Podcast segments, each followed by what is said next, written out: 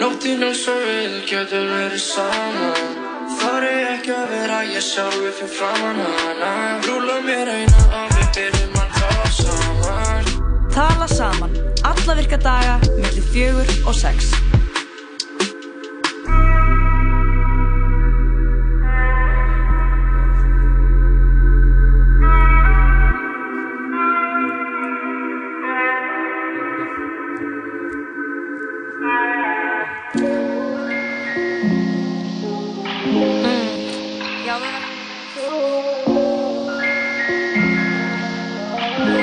Aftur. Já, en það er allt í góðu. Þú ert búin að vera í burtu í nokkra vikur og þarfst að finna þitt tempo aftur, sko.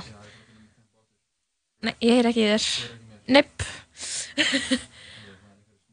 Við prófaði bara einhvern annan mæk og við ætlum bara, ég ætla bara aðeins að kynna þáttur með hana Jói finnum mæk sem virkar. Hann var að koma frá LARP-hátti í Þískalandi, við ætlum, það er einmitt á dagskrá þáttarins að, Jú, jú, hann ertu, þannig er ég já. Um, það er einmitt á dagskrá þáttarins, þú ætlar að segja mér aðeins frá þessari LARP-háttíð, það er ekki Jói? Jú, hvort ég ætla að gera. Og uh, já, er ég er bara búin að vera í endalegsum æfintýrum núna síðustu tvær vikunar það er gott að vera komin aftur hérna í sítaðið tala saman fyrir uh, já, bara fyrir mínu andlegu hilsu og fyrir, ekki, fyrir fyrir félagskap og, og Fyrir mig? og fyrir hlustendur. Mhm. fyrir þig kjærlega hlustandi. Það er náttúrulega, þú ert að koma í góðan þátt sko, það er skemmtilega þáttu framöndan, við ætlum að byrja á því að fá til okkar tvo listamenn sem er að taka þátt í Plan B Art Festival á, í Borganesi Mhm. það, uh, svo hátíð er bara svona rétt handað á hotnið, hver við erum að tala um að er ekki þessa helgi. að það er eitthvað svona í kringum 10. ágúst. Ég ætla að hafa þetta alveg á hreinu hérna eftir þegar er í viðtalinu, það var þess að Snæfröður Sól Gunnarsdóttir og Sindri Leifsson. Þau eru að, að taka þátt og sína verk. Og þetta er flott hátíð, við fengum hérna fyrr í vor, hana Ingu Björk til okkar, hún er einn af skiplegjendum hátíðarinnar. Og þetta er svona lítil indie hátíð um, en hún er svona sérstökt fyrir það leitið að sko, þeir sem taka þátt, þeir fá allir greitt. Og þetta Það er ekki verra að fá póka fyrir. Það er næst sko. Og þetta er náttúrulega bara rétt hjá bænum. Við bara hvetjum fólk til þess að kíkja á smá menningu þarna fyrir vestan. Algjörlega. Og svo ætlum við að heyra í honum Helga Grími. Ég ætlum að heyri Helgi Grím. Já, sundlega verðurinn okkar á tálnafyrði mm um, hann er búinn að vera þar í allt sumar og hefur reglulega flutt okkur fregnir af úr þessum litla smábæ sem er tálnafyrður Emitt svona aðeins, hann er að greina stöðuna. Senast þá var hann að segja eitthvað frá uh, hvernig hann lendi í útistöðum við svona við foreldri í sundleginni mm. þú veist, að mæt, mæti ykkur foreldri í sumafríi og síðan svona passi ekki börnið sín. Og Já, þá já. verður upp svona tension á milli sundlegavarðarins og foreldrana. Já, af því að þá er hann farin að sinna þeirra hlutverki. Já og þá er hann kannski svona hei, kannski viltu setja barnið þitt í kúta? Og þá er pappin eitthvað svona, nei, barnið mitt er sint og svo bara svona lítur hann frá Mhm.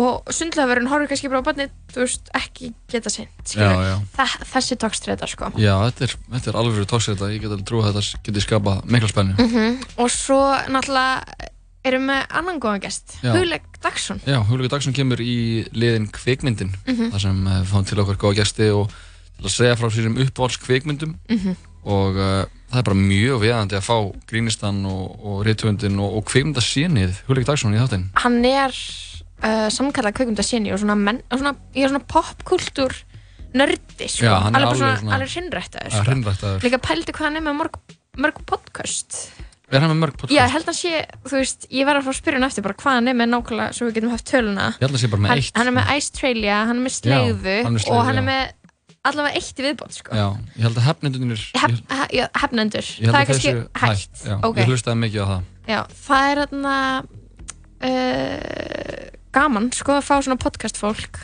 Svona fólk sem er gott í að spjalla. Mm Það er mist alltaf verið eitthvað svona podcastið þetta högg að sækja. Hvað, af hverju er fólk að heita á podcast? Þessu einhvern bara vera. Ég teki allir, þetta er náttúrulega sérstaklega sem ég sé þetta á, á Twitter að fólk er að tala um eitthvað svona mhm. hvað, er allir að byrja með podcast eitthvað svona, hvað er, hvað er allir bara með podcast núna hvað er, er þú hefur svona mikið að segja bara, neð, er ekki bara ef einhver hefur eitthvað að segja og vill gera podcast er ekki allir lægi að gera það? Jú líka sko, ég sá ótrúlega gott take um þetta.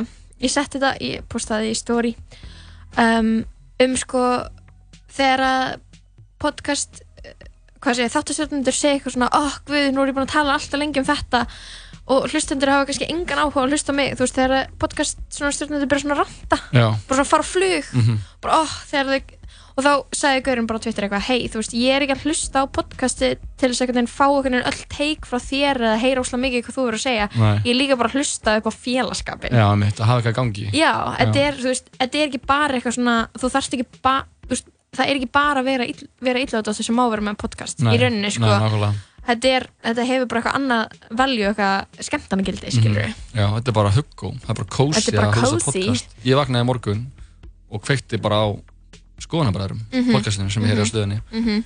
og uh, mér bara mjög hugöld að hlusta á hvað létt hjal hjá Mhm. þeim bræðurum og, og uh, ég meina, ég, auðvitað, jú, fólk, kannski það er bara fólk sem hatar podcast að byrja með sitt eigið podcast, þar sem það talar um hvað hvað er þessi fárlegt Að vera með podcast. Já, Ég held að þarna Nei, ég ætla ekki að segja þetta ég ætla, ég ætla að koma með take um fólk sem hata podcast Já, ég ætla bara að láta. Ég ætla bara að láta liggja á milli hluta Mhm. En um, já, podcast kongurinn Hulga Dagsson, hann verður hérna Já, í kveimundinni og ætlar að segja eitthvað frá sínu uppáhaldskveimund. Ég hlakka mjög Ég- til að heyra hvað mynd það Ég er. gæti ekki giska, veist, það myndi saman ekki koma mér óvart að það væri bara Simpsons movie Það væri, veist Já, það Nei, ok, ég er að djóka, en þú veist, veistu hvað við Já, já. Ég held að þetta sé Það myndi, ábyggilega það mjög... verið óvænt, sko Já, það getur verið eitthvað svona alveg classic, það getur líka verið eitthvað svona mjög niche. Já, Eitthvað. eða bara dalalíf Já, eða bara daglíf, eða löggulíf. Eða löggulíf. Eitthvað af lífmyndunum. mm um, Þannig að það er, það er pakkað þáttur í okkur í dag, sko. Já, við ætlum í leik og þú ætlar að segja eitthvað frá larpáttíðinni eins og ég sagði náðan Já, og svo erum við bara frettir á sínu stað líka. mm Þannig að, En ég er mjög spennt að fara inn að leik með þér sko Þetta er leikurinn þarna þriðja hvort orð Þú að segja þriðja hvort orð í lagateksta einmitt. og þá, þú veist, átt þú að reyna að fatta hvaða lag það er Já. skilur Já. og ég veit ekki hvaða genre ég á að fara í með þér skilur nei, nei, hva, einmitt. Hvað þú veist, þú veist ekki sko. Mhm, Kannski- Já. kannski, Ég er svona ágætlega að mér í svona, svona í kringum 2000, eitthvað svona þannig stemningu Mhm. og, og náttúrulega í, í, svona nútíma mm þú, ert bara búin, þú ert með svona þekkingu á svona nokkrum genrum sko. Já. kannski fer ég eitthvað út fyrir það Þú getur bara Fokkaði farið í, síður. þannig að farið í eitthvað svona einhver, einhver fan favorite lög hjá Pálma Gunnars Mhm. þá myndi ég ekkert standa neitt sérstaklega vel Íslensk vel að því. sönglög. Íslensk sönglög, ég er, get ekki sagt að ég sé góður í þeim Nei, einmitt. En þetta kemur allir ljósa eftir, við förum í leiku eftir, ef við ekki bara hlusta eitt lag og svo þegar við komum eftir þá verðum við hérna með tvo góða gesti. Jú. Um, Snæfríði Sól og Sindra Leifs frá. Plan B Art Festival. Heldur betur, ég ætla að hlusta á að ég er náttúrulega meira í smá fríi þannig að mér er mjög gaman að koma aftur í útvarpið og geta að spila tónlist því að mér er mjög gaman að hlusta á Það er tónlist best. og sérstaklega að fá að deila með ykkur kæra hlustendur hvað ég er búin að hlusta á ég er búin að Mhm. hlusta mjög mikið á hana Rosalíu og á nýtt uppáhaldslag með henni þetta er af hlutunni El Mal Querer og lagið heitir Pienso en tu mira Me da miedo cuando sale sonriendo pa la calle, porque todos pueden ver los hoyuelitos que te salen.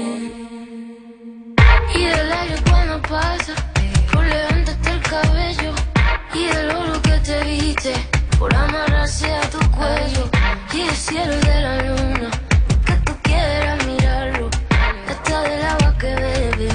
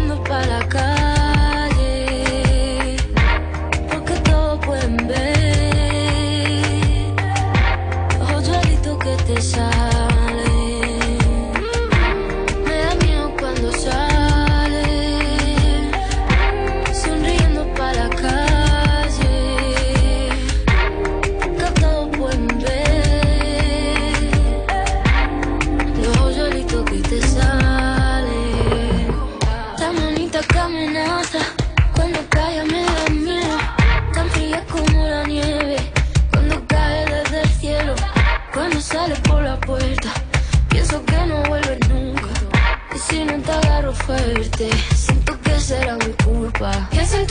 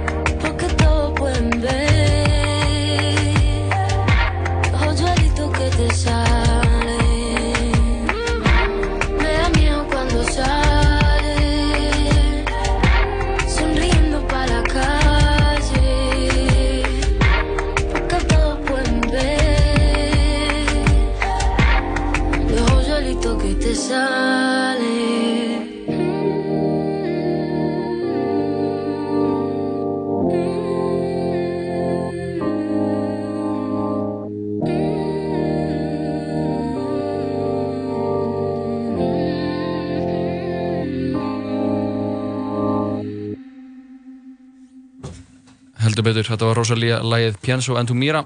Af plötunni El Mal Querer Þú ert að hlusta á sítið þess að þinn tala saman með Jóhanni Kristoffer og Lóu Björk. Já, við erum komið með góða gesti til okkar Anna Snæfröðu Sól og Sindri Leifsson. Verið hærtalega velkominn Takk Já, fyrir. Hvað þið eru að fara að sína á Plan B Art Festival? Getið þið sagt okkur hans frá um, hvað þið eru að fara að gera á hátíðinni? Já, herði, ég skal bara byrja. Ég hérna eh, er sem sagt að fara að sína uh, í rauninni útskriftaverki mitt af, ég útskrifast núna í vor af Sviðsöndabreyt í listháskólanum um mitt og ég er að fara að sína eh, einhvers konar útgáfi af útskriftaverkinu mínu sem að hétt hérna sýnist lífs bara um því sem það snýst Það er Og- snabbt Já, já. Sí, uh, öðru nafni sýningin sem engin mann hvað heitir. Já. Já, já, já og hérna, já, ég síndi hana í hérna gamla gamla andurinn í lögadalslaug í vor en er að fara að sína hana í sem sagt, uh, eiginlega í andurinu í þannig borgarnes sundlauginni og þannig einmitt. íþróttamiðstunni Já, já, það er smá svipa rými. Já, samt alveg allt öðruvísi en samt svona, já, skemmtilegt væp svona, og þetta er, já þetta er svona nokkurs konar um, mannesku safn. Mér var bentið það núna eftir að þetta er svona smá sci-fi feelingur. Þetta er svona eiginlega eins og þú veist, nú er maður mikið að pæla í eitthvað svona heimsenda enda mannkins. Þetta er svona smá eins og eins og það væri eitthvað svona geimverur að skoða manneskuna eftir að við erum öll liðinu til lók Já, já. og eitthvað svona ekki alveg fatta hvernig allt er skiljið, þetta er svona smá svona Eitthvað svona smá miskilingur Já, á því hvernig saman. það er að vera manneska já. Ok, og ég er með flautkór Listur Sinfoníu Íslands með mér. Wow, Já. ég veist ekki að hún var í stórleik Nei, ég stopnaði hana Já, ok Þessi er tíma bært bara já. og þetta er í Borganesi og hvað na, núna uh, 9. til 11. ágúst Já, Áttunda til áttunda. Áttunda? Ellefta. Ok, já, 8. til 11. ágúst og eru margir, er ekki margir að taka þátt í þessu eða? Jú, það eru hvað heldur 27 Já, listamenn sem er að sína núna. já. Og- bæði erlendir og íslenskir um mitt. Það er fullt af fólki sem er að koma inn inn bara held ég skjótast bara beint í Borganes. Mm -hmm. bara kefla ekki. Það er Borgarnes. áhugaverst sko, koma til Íslands og enda bara í Borganesi Akkurat. Já, um fær ekki neitt annað. Vera bara í Borganesi Af því að það eru margir sem bara, þú veist, keiri gegn eða fatti Já, já, einmitt. Er það ekki þverskurur á landinu? Í Borganesi? Borganesi, jú, ég held það sko. Jú, að einhver leiti sko. Það er fólki sem býr hann á komjútar í bæinn og Já, Já, jú, heldur Já, er Mamma átti heima hann einu sinni sko. Já, ókipis í göngin og svona. Já, Ó, það já. breytir mjög Nákvæmlega. miklu sko Líka Það fyrir mun- gesti hátíðarinnar. Það mun auka aðsókn á þessu hátíð Já. Ég er eiginlega 100% vissu það Já. En Sindri, getur þú sagt mér aðeins hvernig verk verður þú að sína á plan B núna í ágúst? Já, ég er að sína skúltúr en þessi skúltúra sem ég er að gera þeir hafa oft svona einhverja virkni, einhverja svona möguleika á því að, að virkjast þannig að þeir eru svona performatífir í eðli sínu og fyrir einhverjum vikum þá var því algjörlega obsessed af einhverjum einu hlutu og þetta er oft svona þannig sem ég vinn sko, ég verði ótrúlega svona bara fasinerar af einhverju ákveðnum verkfæri eða eða einhverju ákveðnum svona fyrirbæri í gegnum svona söguna, mannkinn söguna. Og ég datt niður á svona handvagna. Og já því vorum að tala um larp hérna á hann sko, veist, þetta er svona þetta er svona 1700 svona 1700 og 1800 svona verkfæri sem að var náttúrulega notar rosa mikið sko. Og með handvagni þá meina ég þetta er kerra í raun og veru, þú snýð fram risastórum svona stálhjólum. Ég er að sjá þetta fyrir ykkur. Já, ég held það sko. Mm, já. Og þú menn þessu eða ekki? Nei, og dregur þetta eiginlega. dregur þetta, já. Svona eins og hjólburur Þetta er svona eins og stórar. hjólbúrunni og bara risastórar. Og þetta er svolítið svona amis. Já, já, já. Og hérna og einhvern veginn sko þú veist og, og ég get ekki útskýrt einhvern veginn af hverju ég er svona rosalega einhvern veginn svona obsessed af þessu sko þú veist þetta er svona þetta er rosa líkamlegt það er svo líkamleg virkni þú notar bara líkamanna til þess að ég er nú að draga miklar þyngdir og, og náttúrulega í gegnum hjólið og í gegnum þessa tækni sko þá einhvern veginn er það líkaminn sem að sem að samt sem sagt, verður, verður til þess að þú getur fært rosalega mikið magn hluta og ég datt niður á líka sko hérna svona svona hérna fyrirbæri sem að tengist þessu þegar það var rosalega mikill fólksflutningur til bandaríkjana frá Evrópu þá var þetta að nota rosa mikið. Þá var fólk að fara bara frá Skotlandi og Bretlandi og bara með bátnum yfir með svona handvagn með sér Með og lappandi kannski 800 eða 1200 kilometra einhvern veginn allir til Pennsylvania What? þetta var svona mormóna hérna, það var svona mormona Leið. mormon pioneers. Já, og hérna einhvern veginn allir bara með þetta á Mhm. þú veist, alla fjölskylduna og bara einhvern veginn, þetta er svona fólksflutningur einhvern veginn Mhm. fara allir þangað og að sjálfsögðu er þetta náttúrulega bara í einhverjum frosta vetrum og svona, þannig að það eru mjög margir sem að falla frá hann á þessu tímabili sko. Já. Mhm. þannig að þetta er svona ákveðin svona ákveðin svona sögu minni líka því að svo bara endur tekur þetta sig núna bara með einhverju annari tækni Mhm. það eru bara bátar sem er að krassa eitthvað og, og það hérna, þetta er svona þetta er rosalega mikil endurtekning en náttúrulega miklu, miklu stærri skala það voru kannski 3000 mann sem voru að fara í sér ferðalög þá en miljónir manna sem er að fara í sér ferðalög núna sko. Mhm. þannig að þetta er svona það hefur svona vísanir og skýrskotanir kannski í út um allt myndi ég segja sko Mhm. Veist, en hvort að ég einhvern veginn muni af því að það er náttúrulega skáldskapur sem að fylgir þessum verkum líka sko. Ég er ekki að fara að labba með þetta upp í borgarni sko. Nei, nei, nei. Þú veist, Nei, það er nei. ekki svona einhvern veginn Á, það var þetta geggjað. Já, það er góð pæling, þú verður líka er það sko, þú veist, það er spurning hvort að sko enduransin sem slíkur sé það áhugaverður. Þú veist, eða hvort að einhvern veginn svona ok, þú labbaðir með þetta alla leið. Eitthvað ok. En þú veist, stendur þetta bara hana Já, já. þú veist, hvort það skipti verkið máli einhvern veginn, þú veist. Ég hef líka, þú veist, kannski, kannski segi ég bara að ég hafi labbað með þetta. Já, já, já. Já. Af því að lígin líka það er svolítið mikið gull í, í líginni Mhm. þegar kemur að svona kemur að svona verkum. Stendur, stendur hliðina bara mósur og maður bara Anna, hvað sé maður? nákvæmlega, kannski með hálfbroti hljó, Móður og másandi. másandi. Einmitt, haltur kannski. Haltur, já, og bara, já, já Veittur og skítur. Já En á, á plan B, það er hún, hún kom til okkur, hún að Inga Mhm. fyrir alveg hvað, er nú alveg Nokkru mánuði síðan. Síðan. Já, það var að, vorum að auðlisendur umsækjendum. Já, Eða hún einmitt. var að auðlisendur Já, einmitt. Mhm. Þannig að er eitthvað svona megin þema á hátíðinni í ár? Eða svona, er eitthvað svona eitthvað rauð þráður? Ekki beint sko en mér skilst að þau náttúrulega velja inn sko. Þau eru svona, svona listrænt teimi sem eru kannski fjórir að fimm aðeila sem velja inn listamenn og, og sko og, og kannski sjá þetta fyrir sér sem, sem eitthvað dýnamík eða sem eitthvað væp Já, en ég held að sé kannski ég vona að ég sé ekki að fara með fleipur sko en, en það er ekki svona það er ekki eitthvað svona þema eða það sem að þú myndir kalla curatorial statement eða, eða eitthvað svoleiði sem að, hérna, sem að fylgir þessu. En þú veist, Nei. en eins og þú ert að tala um snæði fyrir sko, þú veist, hérna gemverur að horfa á, á mennin einhvern veginn að utan og þú veist og, og, og ég held að mörga sem verkum tengjast rosa mikið bara beint inn í umræðu efni samfélagsins. Og ég meina umhverfið þú veist í mínu tilfelli þá er þetta einhvern veginn bara maðurinn sem er að knúa þetta áfram. Það er engin vél, það er engin bíl einhvern veginn. Og það er líka hálfgeð svona vonbriði með það einhvern veginn að öll þessi mál séu sett bara í hendurnar á einstaklingnum þú veist allir einhvern veginn aftur bara í hestvagnin eða já, umhverfismálin einmitt. séu einhvern veginn sko að því að það sem að knýr náttúrulega allt þetta rugl eru risastórar kerfisbreytingar sem áttu sér stað bara fyrir einhverjum tugum eða, eða hundrum ára í raun og veru sko Mhm. svo allt í henni lausnin sett í hendurnar á einhverjum einstaklingum að Mhm. Veist, þannig að ég held að sé ég ætla, þekki líka fleiri listafann sem er að sína hátíðinu og ég held að, ég held að þetta eru svona þessi stóru mál sem að fólk er náttúrulega beint og óbeint svolítið mikið að fjalla um þannig ég held svona Já, akkurat. það eru svona þessi, þessi Mhm. mál kannski sem er hægt að segja veist, ekki, þú veist, ekki rauður þráður en svona þetta er svolítið svona present bara bara samhengi kannski bara Já, einmitt Bara sammingið sem við talaði inn í, já. Mhm. Það verður allir svona, mér finnst það eitthvað merkjöld þetta sem, sem við erum að tala um með að allt sé sett bara í hendunar á, á, á einstaklingnum sko. Mhm. og mér finnst eitthvað maður, maður þegar maður hugsa svona mikið um þetta þegar maður að sjá allt í einhver svona samhengi sko. Mhm. og, og það er fyndið að ég var að koma frá útlöndum og sér það, það er að, svona eins og er hætt, þeir eru hætti með plastboka þar Já.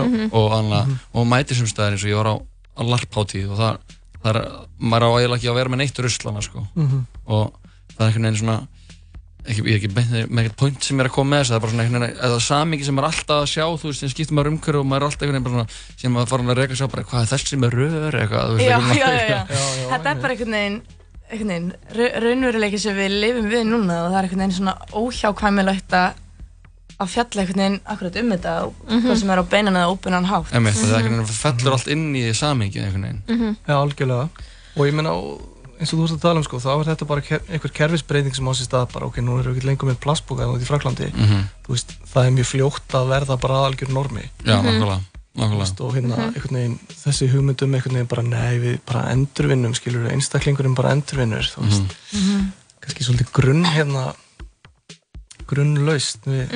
Já, Þú erum vandamál. ef, já, ef við laustum að því kalla sko Mhm. Í raun. Herru, þakka ykkur kærlega fyrir komuna uh, Snæfriður og Sindri og bara gangi ykkur vel að að sína Já, og takk hlökkum til að sjá. Við náttúrulega minnum bara aftur á að hérna, að það er allir velkomnir og þetta er náttúrulega Borgarnes. bara hátíð sem að kostar ekki neitt inn á fyrir fólk til þess að kíkja og Það verður alls konar sniðt í gangi sko. algjörlega. Gjörningakvöld og partí og síning í hérna gömlu Arjón bankahúsi. Ok, æði. Svona stemning. Þetta er út um allan bæ bara? Já, þetta er um allan Já, bæ. þetta er smá lista takeover held ég á bara borgarnesi, mm -hmm. það ekki? Jú, Jú, það er að fá hérna, það er að skoða allar upplýsingar á hérna bara Facebook síðu Plan B og Já, Facebook og Instagram skilst þessi og- Instagram líka sem Já. er Bara öllum helstu meðlum heldur betur öllum sem helstu. Google it. Herri, þakka ykkur kærlega fyrir komuna. Við ætlum að heyra eitt lag og svo komum við inn aftur. Verðum með eitthvað til sex í dag. Heldur Takk hérlega fyrir. Takk fyrir.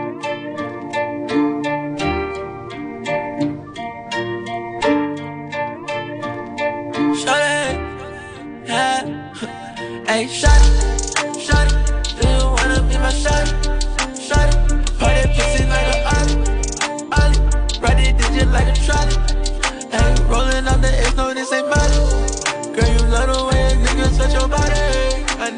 pussy, now don't care if we in private.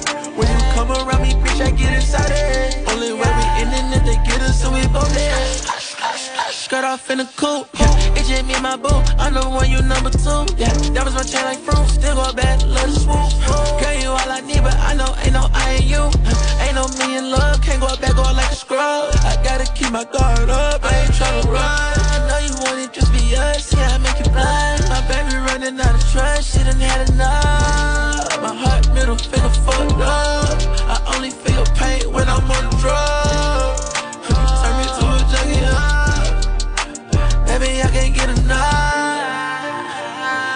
want your love. Hey, girl, I want you open up. She said if I'm dead and gone, all alone, she gon' die.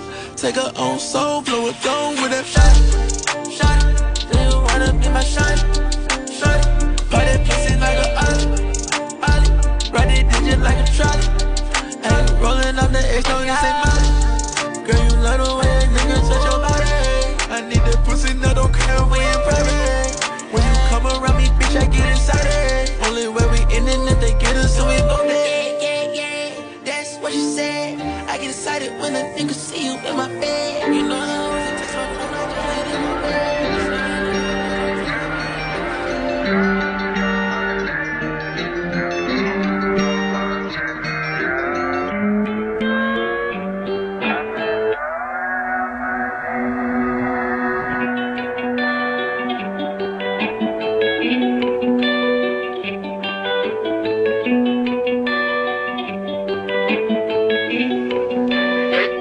It's gonna come a time when you need my love. Nigga might OD for love. So much pain and love. Money, hate, and I swear to God, I might end in love with all my bitches, yeah. I'm in love with all my baby now. Cry to me, I can see pain and right. I get on drugs and I come alive.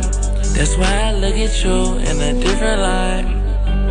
Ayy, sipping on drink with the press on my chest and I'm loading the barrel. Ayy, Russian roulette will I die? Live as I look in the mirror.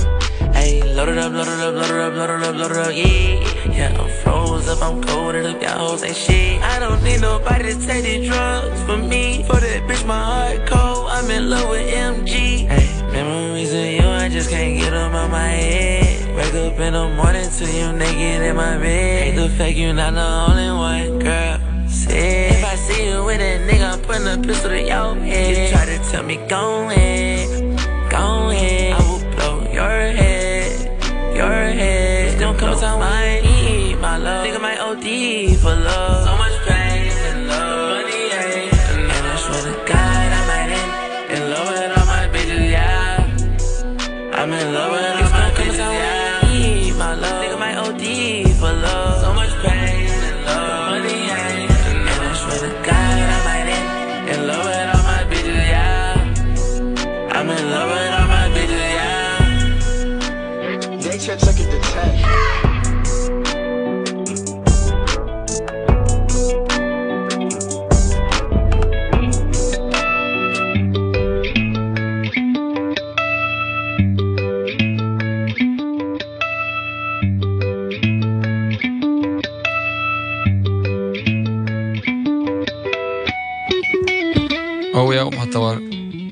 Shorty eða In Love With All My Bitches með uh, tónlistamannum Young Bands af plötinu hans Misunderstood sem kom út núna bara hvað fyrir viku síðan Og svo Við erum- gott að vera að koma með Jóa eftir þáttinn, sko.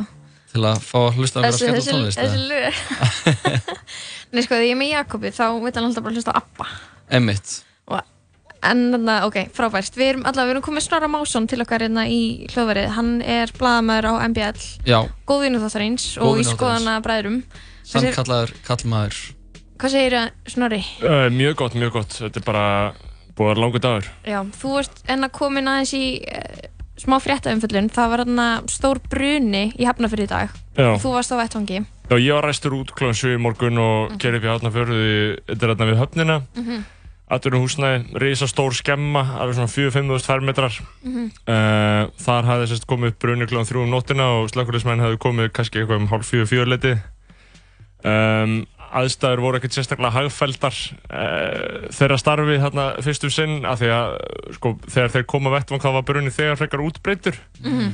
Þannig að uh, þeir bara þurftu að ráðast á þetta um, og þeim tókst ákveðlega vel til skilsmiðin að afmarka eldin og bara uh, hindra það að hann færi út um allt í húsuna því að ef hann hefði farið mikið lengra þá hefði þetta farið í sko stæður og stæður af svona fiskikerjum Já, sem hefði verið mjög slæmt. sem hefði verið mjög slengt að það er ekki... með fisk í Nei, það var, það var vissulega fiskur sem brann sko og það var mikil fiskilíktan allstað sko, þetta er náttúrulega höfn og mikil, mikið að vera að geima fiskana en fiskiker eru úr ólíu Já. Þannig að- Það eru mjög Já, þau eru svona ólíu og plasti sko.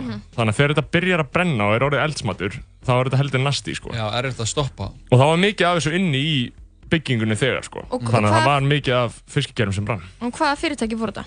Þetta voru EP uh, útgerð og EP dreifing. Það, þeir voru með svona lítir, lítir, lítir bil uh, enda skemmunar 250 verðmetra það er allt brunnið, allt ónýtt. Þau voru sérst að vinna í matvinnslu þarna á staðnum. Uh, óvinnur ykkar, þetta er svona hrefnugjöts framleiðendur Já, einmitt, uh, einmitt. þannig að PC liðið fagnar kannski. Já, einmitt. Svona PC kar karmískur bruni í rauninni. PC 101 er kannski. Já.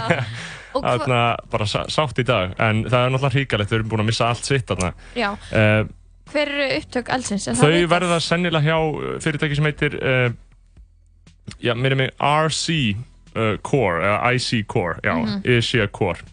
Það er stærra fyrirtæki sem er að leiða á sama stað þar verða sennilega upptökin, þar er líka matvinnsla þar verða að vinna fisk og uh, og þar verða sennilega upptökin, við vitum það ekki strax en þá alveg við sláðum ekki fast en ég held það, ég held að upptökin verði þarna í matvinnslu og þetta er hugsaðlega vélar sem er í gangi yfir nótt sem ég veit reyndar alls ekki en ég veit bara að í hinu rýminu er ekki vélar gangi yfir nótt En ég var þarna og það var bara, slökkvöldismenni voru mjög dölir, það voru 50 slökkvöldismenn þarna á ákveðin tímafúti og sko ég held að, ykkur, ég held að fólk átt sér ekki alltaf á því hvað er ógeðslega mikið vatni í þetta. Nei. Þú veist, það eru Og bara er ekki síki út um fróða allt. líka og eitthvað svona Jú, drast? þarna var ekki fróða sko, en vatnið er sko, þú veist, þeir eru, þeir eru með fjóra slöngur í gangi. Mhm. Í hverju slöngunum koma 4000 lítrar á mínútu út Það er og alveg þeir eru með þær í Það gangi mikið. í 8 klukkustundir. Já Já. Þetta er bara Og svo bara- gæðir sem er bara að koma heim að djamunu og er bara haldið inn í sér pissi Já, mjög lengi já, já, þetta er, þetta er eins. Þannig að þetta er svakalegt sko. Og það þú veist svo, Handið þessi pissi Ég- mjög lengi sko og spraya í allt sko. og sér geta alveg verið að ef ekkert um að það væri það væri bara svona, það væri eitt gæi sem þeir sem slökkuliði með Já. til taks og þeir bara þurfa að ræsa hann ef, það, ef allt annað misefnast En, en já, sem pissa Já, mikið. sem pissa ná mikið En sko, hafið séð menn með þessar slöngur að þeir, þeir, þú veist, þú Er ekki efnast með fálega slöngur góðu formi eða? ha, Þeir, Þeir eru jú, ógeðslega sterkir, Þeir eru eitthvað sterkir persuslöngur. og helviti sexy, sko Mhm. um, Já, það er komið líka orð, það er fullt af gælum hann, sko sem Mm. voru í Já, búningum bara Já. og þeir eru með þessar slöngur Þú getur sko verið með þessar slöngu í gangi og svo getur bara lagst á slönguna Það er svo mikill á- kraftur, þetta heldur bara- þið bara uppi þetta stendur bara uppi með þér, skilur þú getur lagst bara, bara leiði bara Þú getur leiði ofan á slöngunni leiði standandi í rauninni. já, það er alveg frekar, frekar epic sko. en, en já, ég var alveg farið á vettvang svona bruna áður en þetta var samt alveg svona ekstra mikið mikil framkvæmt sko. það Það voru, var stór bruni. þú ert alltaf á svæðinu þegar jú, það, það vildi svo til að ég átti leið þarna hjá sko, en eh, nei, nei, alltaf svona bruni og þá var nei, nei það var, alltaf bara það var ég sem kveikti í sko. Já. nei, Nei. Þarna, nei, nei, en, en uh, svo er þið bara ennþá, það er ennþá kveikt í sko. það er, þetta er ekki ennþá slöknað Er það er það ekki? einhverja helvitis glæður sko.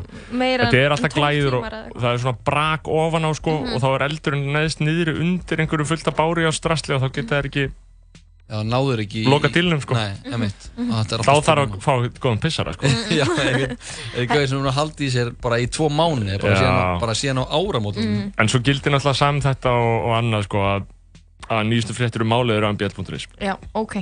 Einmitt. Það er geggjað. Takk kærlega fyrir komuna Snorri og bara takk fyrir þessa litlu fréttaskýringu. Við ætlum að koma aftur inn á eftir með aðeins fleiri fréttir en við fóttum til við munum. Þetta er söngunan Asian Doll og lagið heitir So Icy Princess Intro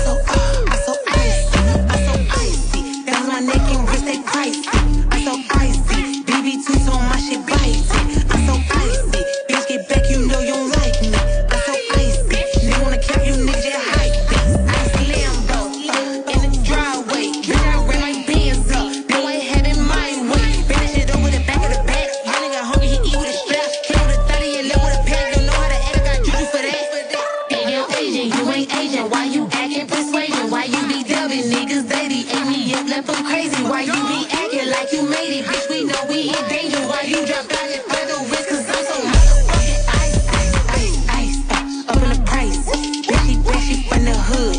Blow the dice. Foreign tenant, you lieutenant. Hey, niggas mice. Hey, can out there with the plot? Hey, drip on ice, ice. Jú, jú, þetta var Asian Doll lagið So Icy Princess Intro Þú ert orðist á síðan að tala saman með Jóhanni Kristoffer og Lóu Björk Mm. Það er komið að nokkrum fréttum Við vorum kveðja hann Snorra. Másson sem var að segja okkur frá brunanum sem uh, logar enn Í Hafnarfirði. Í Hafnarfirði. Það var á höfninni, eitthvað svona hrefnu útgerð. Já, Og svona óvinnir PC fólksins, þess að Snorri bentir réttilega á. já, Og ég að, ég ætla að segja þetta sem svona karmísku bruni.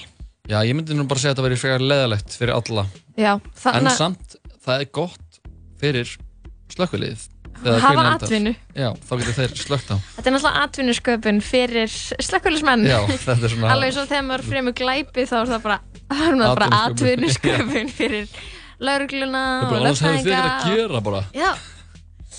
Herru, nóg af gríni. Við erum hérna með sjóð heita frétt af Vestanafs. Já, hvort við erum Þú ert með þetta, Jói, er alveg alvás. sko, hún fyrir, fyrirsættan uh, Shanina Shaikh uh, já, fyrirsætta og uh, Engill eins og uh, fyrirsættur Victoria's Secret eru kallaðar Mhm. var í viðtali núna við ástralska fjölmiðlinn uh, The Daily Telegraph Mhm. hún segir í þessu viðtali að uh, síning Victoria's Secret sem er markfræg Það er svona undir, undirfattamerkið, Victoria's Secret, við þekkjum það öll. Já, já, það þekki það allir. Þau eru með svona, eh, hvað ég var að segja, svona tískusýningu. Það, það er alveg svo mikið lagt í þetta. Það er rosalegt sjó. tónlistratriði og marga frægar stjórnuna að komið fram. Mhm. Algjörst svona spektakúr, svona Já. sjónarspil. Og er þú veist, einhver mega nærfata átvitt og vangir, og, Vængir ekki? og, jú, og blöðrur og Já. bara Þetta er svakalegt, og já. allir pakkin Mm. og uh, Þetta er showbiz moment þetta líka. er showbiz moment Já. eitt af stærri showbiz Já, momentum ársins Þetta er segja. í top 20. þetta er í top 20 klárlega sko. uh, hún Shanina Shaikh segir að uh, þessi síning muni ekki fara fram í ár og uh, nú taka Secret aðdöndur andköf heima á sér, Já, heyrandi þetta gríp, haldið ykkur í stýrið, kæru hlustendur, því þetta er og reyndu, skellir. reyndu ekki að öskra reyndu að öskra ekki meina ég. Þannig að, sko, málið er að hún segir náttúrulega að þetta er besta sýning í heiminum, sko. Hún segir það.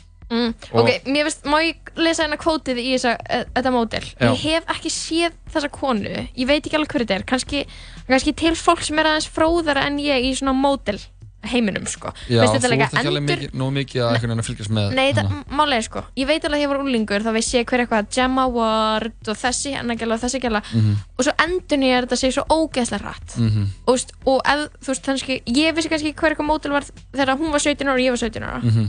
En nú er það bara einhver önnur 17 ára gæla sem er já. svona supermótil Einmitt. og ég veit ekki lengur hver það er Mhm. sem er bara fínt uh, maður þarf ekkert að vita það en hún segir hérna og mér finnst þetta bara ógeðslega fyndið Mhm. eitthvað sem hún er að segja að sig ekki haldin okay. þetta er eitthvað sem ég er ekki vön því á hverju, hverju ári á þessum tíma árs er ég að æfa mig eins og engil Já, já, já. að þú veist, hún er að í ykkur svona workout programmi skilur til þess að vera engil Já. Það er náttúrulega sko er margfrækt hvað þeir eru í sjúku formi á þessum tískusýningum Já, sko. það er smá svona Það er smá sturlun, sko. Grundvallar dæmi í þessu virðist vera Nei, alltaf bara smá styrlum hvernig þær eru á þessum, tí, á þessum tískupalli, sko. Já, hvað eru Þær eru- flottar og Já, það eru eitthvað svona ógeðslega mjóar með geðveitt stór brjóst og bara svona, Nei, það er nú mistór Mistór já, brjóst. það er, það er rétt, Jói, það, Það er nú alveg líka svona- lítil Það er brjóst. alveg smá fjölbreyðin í því Jói, hann pælir mikið í Nei Já, ég, það er alltaf mitt helst áhuga mál bara Brjóst. Brjóst eins og, eins og alvöru, alvöru gaur alvöru, hann kallmaður. Sko í mæ núna fyrir árinu þá bárust Mm. fregnir að því að Victoria's, Victoria's Secret Victoria's Secret hefðist hætta að sjónvarpi sýningunni Já, einmitt. en það hefur verið gert frá árinu 2001 á sjónvarstöðinu ABC og samkvæmt fréttastofu CNBC var áhórið á sýninguna árið 2018 núna í fyrra það versta í sögu sjónvarstöðurinnar Já, við erum komin yfir þetta sem samfélag, sko. Já, ég, ég held nú að ég og margir svona gaurar Gaurar sem spila brjóst. séu ekki alveg komin yfir þetta, ég held að það sé ennþá mikil eftirspurn eftir uh, svona skemmtunum eins og Victoria's Secret Fashion Show Mhm. uh, Victoria's Secret hefur verið gaggrínt harlega vegna hversu lítil fjölbreytni sé í fyrirsötuhópinu þeirra Mhm. og uh, Það ætti nú ekki koma inn með óvart sko, þetta er allt um, það er svo, svona mjög mjóu gælur já, þetta er mikið að mjögum gjálum Já. og hann sko Ed Rasek sem er fórstjóri L-Brand sem er Mhm. móðufyrirtæki Victoria's Secret Mm. hann sagði, hann kom með frekar illa séð umæli e, Já. í viðtali í Vogue í novembri fyrra og ég elska illa séð ummæli sko. Já, það, þá sagði hann að transfyrirsættur myndu aldrei koma fram á sýningunni Nei, einmitt. vegna þess að hún var í fantasía að sýningin væri í fantasía Já, ok og hann að Þetta, þetta hann- disregardar alveg svona hvernig fantasy fólks getur verið ólíkar eða hvað fólki getur fundist flottir hlutir ólík eða þú veist, ólíkir hlutir flottir já, Fattar það mig? já, en þetta er, kannski er þetta bara fantasía bara eitthvað eins gaur og það er toxic Veistu hvað við? Já, ég Í raun, eða þú veist, en af hverju samt? Æ, bara, það er bara erða, skilur En það er bara eitthvað svona hann er bara þetta frekar bara svona fantasíu og hann hefur fjárasett bólmag til þess að bara að gera hana að veruleika. Mhm. er það þá ekki bara hans þú veist, réttur? Má Hans hann ekki bara um, þú veist, auðvitað er það hans réttur skilur það þýðir bara fullt af fólki er bara ekki að fara að vera interested. Ég meina þess vegna er fólki ekki að horfa. Emitt, og þá fyrir þetta bara á hausinn nei þetta fyrir ekki hausinn þeir bara sýnum þetta í sjónvarpinu. Líka bara hver klæði sig í Victoria's Secret nærföld bara, þú veist, er þetta ekki svona búið? Mm, er þetta ekki að- bara eitthvað 90s dæmi sem er búið? Ég held að þetta sé að ég er að alveg kóla ég held að þetta sé alveg mikið, cancelled. mikið eftir degi eftir, að hann, hann lítið sér umæli fjall, þá, að- þá hann afs, bas, basan afsökunar og sagði til að vera alveg skýr myndu við án efa ráða transmódul í sýninguna Já. transmódul hafa komið í pröfur og eins og margar aðrar urðu þær ekki fyrir valinu en það var aldrei vegna kynns hann. nei, nei um, mér finnst það nætti bara að segja að, sorry, ég segi þetta ég er heimsku fáiði og karlinamba og það er bara þannig sko það er náttúrulega eru legendir í tónlistaratriðin á Mm. sko Mhm. tónlistar fólk á borðið Rihannu, The Weeknd, Kanye West og fleiri hafa spilað á, á sýningunni Mhm. og mér, ég hefur alltaf verið að viðkynna mér hefur þótt það mjög skemmtileg tónlistaratrið sko. Mhm. og uh, eins og þegar uh, Kanye og Jay-Z tóku N-words in Paris Mhm. fyrir nokkrum árum mér fannst það, það var alveg svona culture moment sko. Mm. þegar Kanye var í hann hvað var það eftir uh, Margiela H&M jakkanum Mhm. það var stórt fyrir streetwear sko. Ég meina sko, Jói, við getum alveg, við getum alveg sagt hlustundu það að ef þú værir kona, þá Mhm. værir þú sannlega að stefna að því að vera svona Victoria's Secret, Secret Engel, sko. Já, ég það er svona, ertu, stendur með þessu, sko. Já. En þetta er náttúrulega toxic menning, sko. Þurfum ekkert að debata það. Svona Mm. útlitsdýrskona menning, sko. já, mena, hún er toxic fyrir suma hún gengur bara ágæð, mjög vel upp fyrir aðra Mhm. er það ekki? Bara svona eins og ofneisla á áfengi og fíknefnum. Já, sumir geta fungerað Sumir eru bara góðir og aðrir, aðrir þurfa að fara í meðferð. Já, og þá þurfa þeir bara að fyrir meðferð og Þetta er allavega ekki kerfislegt vandamál. Nei, ég myndi Það segja það að það segja. að það væri Þetta klálega bara lífstílsvandamál og þannig að ef fólk sko einhvern veginn fílar þetta ekki, þá er Mm. það eiginlega bara þeirra Það það það má það bara bara hægt að væla. það er ekki það sem þetta segja. Já. Jó, getum við ekki hlustað á þetta, þetta flotta lag með Jay-Z og koma aftur hérna og hlust og hug, við ætlum ekki að hlusta á fréttir, við ætlum að Við ræða höldum áfram, höldum áfram að fara yfir fréttir hérna, jú, bara eftir öskamastund Mhm. uh, við ætlum að fá þetta umtala lag sem Mhm. uh, þeir félagar Jay-Z og Kanye West spiluðu á Victoria's Secret tískusynningunni sem verður því miður ekki haldin í ár Mm. Nei. við á stöðunni, við Jóhann Kristoffer og Lóa Björk Björnsdóttir, við byggjum fyrir því að hún veri haldin Já, við ætlum að hafa einhvern undirskriftalista. sýnd í sjónvarpinu og jafnvel að ríkisjónvarpið kaupi rúf, styrna kynna. Rétt, já, það var reyndar og nú er hún komin, hún er svakalega Nei, hún er virkilega flott og ég er gríðalega ánægð með þetta. Já. En ég er feministi, þetta er og Kanye West lagið N-Words in Paris We're gonna skate to one song, one song only.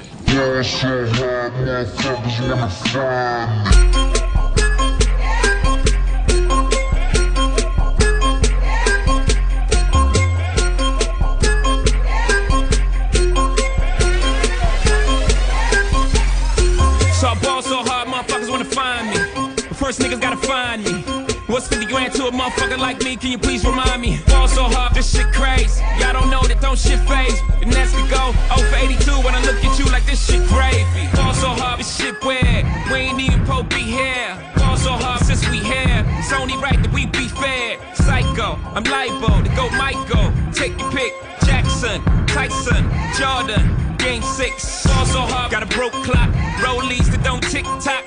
Mars that's losing time, hidden behind all these big rocks. Ball so hard, I'm shocked too. I'm supposed to be locked up too. You escape, but I escape. You be in Paris getting fucked up too. Ball so hard, let's get faded. Liberties for like six days. Gold bottles, soul models, still an ace on my sick days. So ball so hard, bitch behave. Just might let you meet gay. Shot towns, B roads, moving the next BK. Ball so hard, motherfuckers wanna find me. That shit crack. That shit crack. That shit crack. So hard, motherfuckers wanna find me. That shit crack. That shit crack. That shit crack.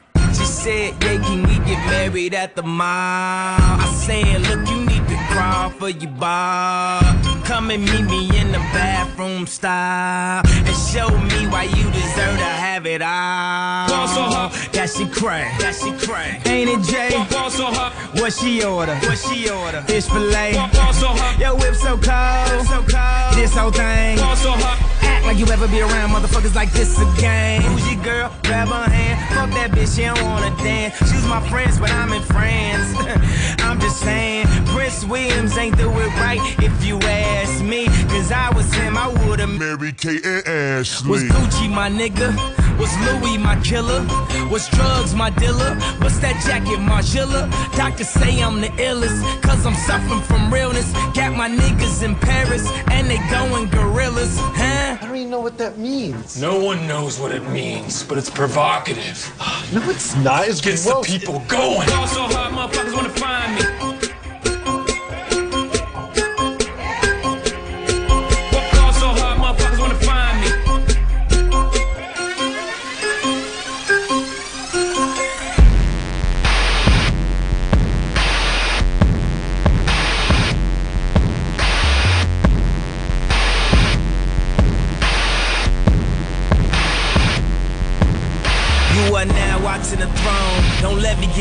Zone. Don't let me get in my zone. Don't let me get in my zone. These other niggas is lying, acting like the summer ain't mine. I got that hot bitch in my home. You know how many hot bitches I own?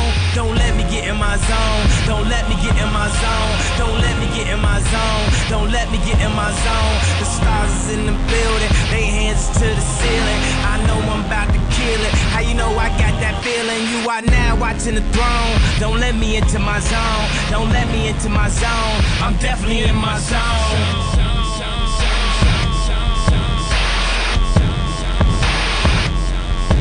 Morgun þátturinn Musli, alla virka daga með Loga Petró og Sigurbjarti. Gommu gláp og bland í boka í kvöld. Stöðtvö marathón er stútfullt af frábærum þáttaröðum sem þú getur hort á hvar og hvenar sem er. Þér áskrift fyrir aðeins 2490 krónur á mánuði á stöð2.is. Hamburgerabúla Tómasar, vatnið er eitt besti drikkurinn. Hamburgerabúla Tómasar. Inni púkin um Vesturnumannahelgina. Þryggja daga tónlistarháttíð á Bryggjunni Brugghús og Messanum. Framkoma, Vök, Sprite Zero Clan, Jónas Sig, þú og allir hinnir. Inni púkin og grollsléttur. Bara gaman.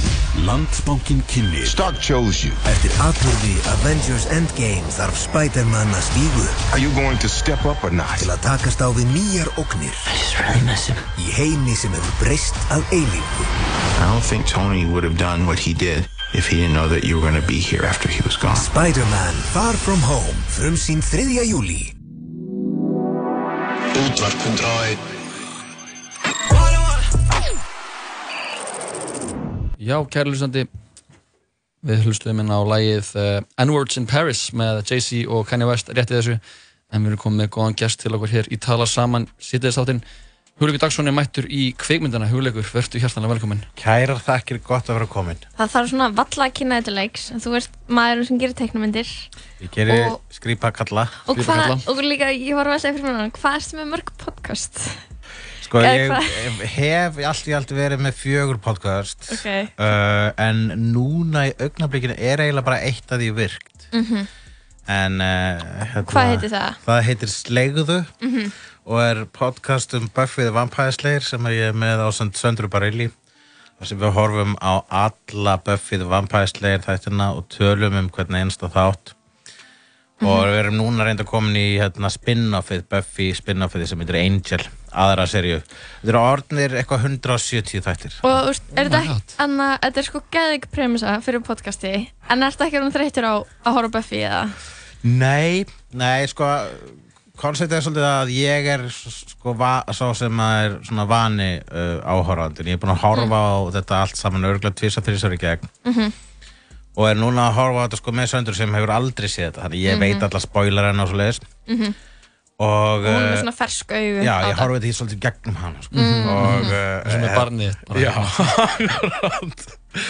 og, og það er ekki leðilegt sko, mjög langt síðan að horfa þetta það er merkilegt hvað maður nennir að eða sínum tíma í að horfa aftur og aftur á þú veist, þetta efni sem er þetta afþreyingar efni sem er skapað fyrir mann mm Mhm. það maður svona í stundum sko er að spá hvort ég sé að sóa Ævinni? ævinni Nei. en síðan er það bara, þetta er bara gaman þetta Já. er bara óslega gaman Já, ég tengi sko. Ég var, ég var líka bara að hugsa um daginn, ég meina, um, það er ekkert glata eða bara lífinu sinni að horfa á þetta. það er svo lengi Hversu sem maður góð fer út nýting. á milli sko. Já, allan að klukkutíma á svona dag. einu, já, einu sinni á dag kannski að kíkja út maður fer út og lendir í æventýrið sjálfur og svo þegar maður er marinn eftir þau æventýrið þá fer maður heim og sleikir sárin og horfir á annar mann æventýri Einmitt. Ég held sko, góð pæling. ég hafi heyrt í þínu gamla podcasti Hafnundunir ykkur tala um uh, podcast sem heit The Worst Idea Ever, getur það ekki verið það? Jú, jú, jú, það er nýsjálenskt podcast. Tveir nýsjálenski grínistar horfa á kvikmynduna Grown Ups 2 einu sinni í viku. Aftur og aftur. Heilt ár. Já.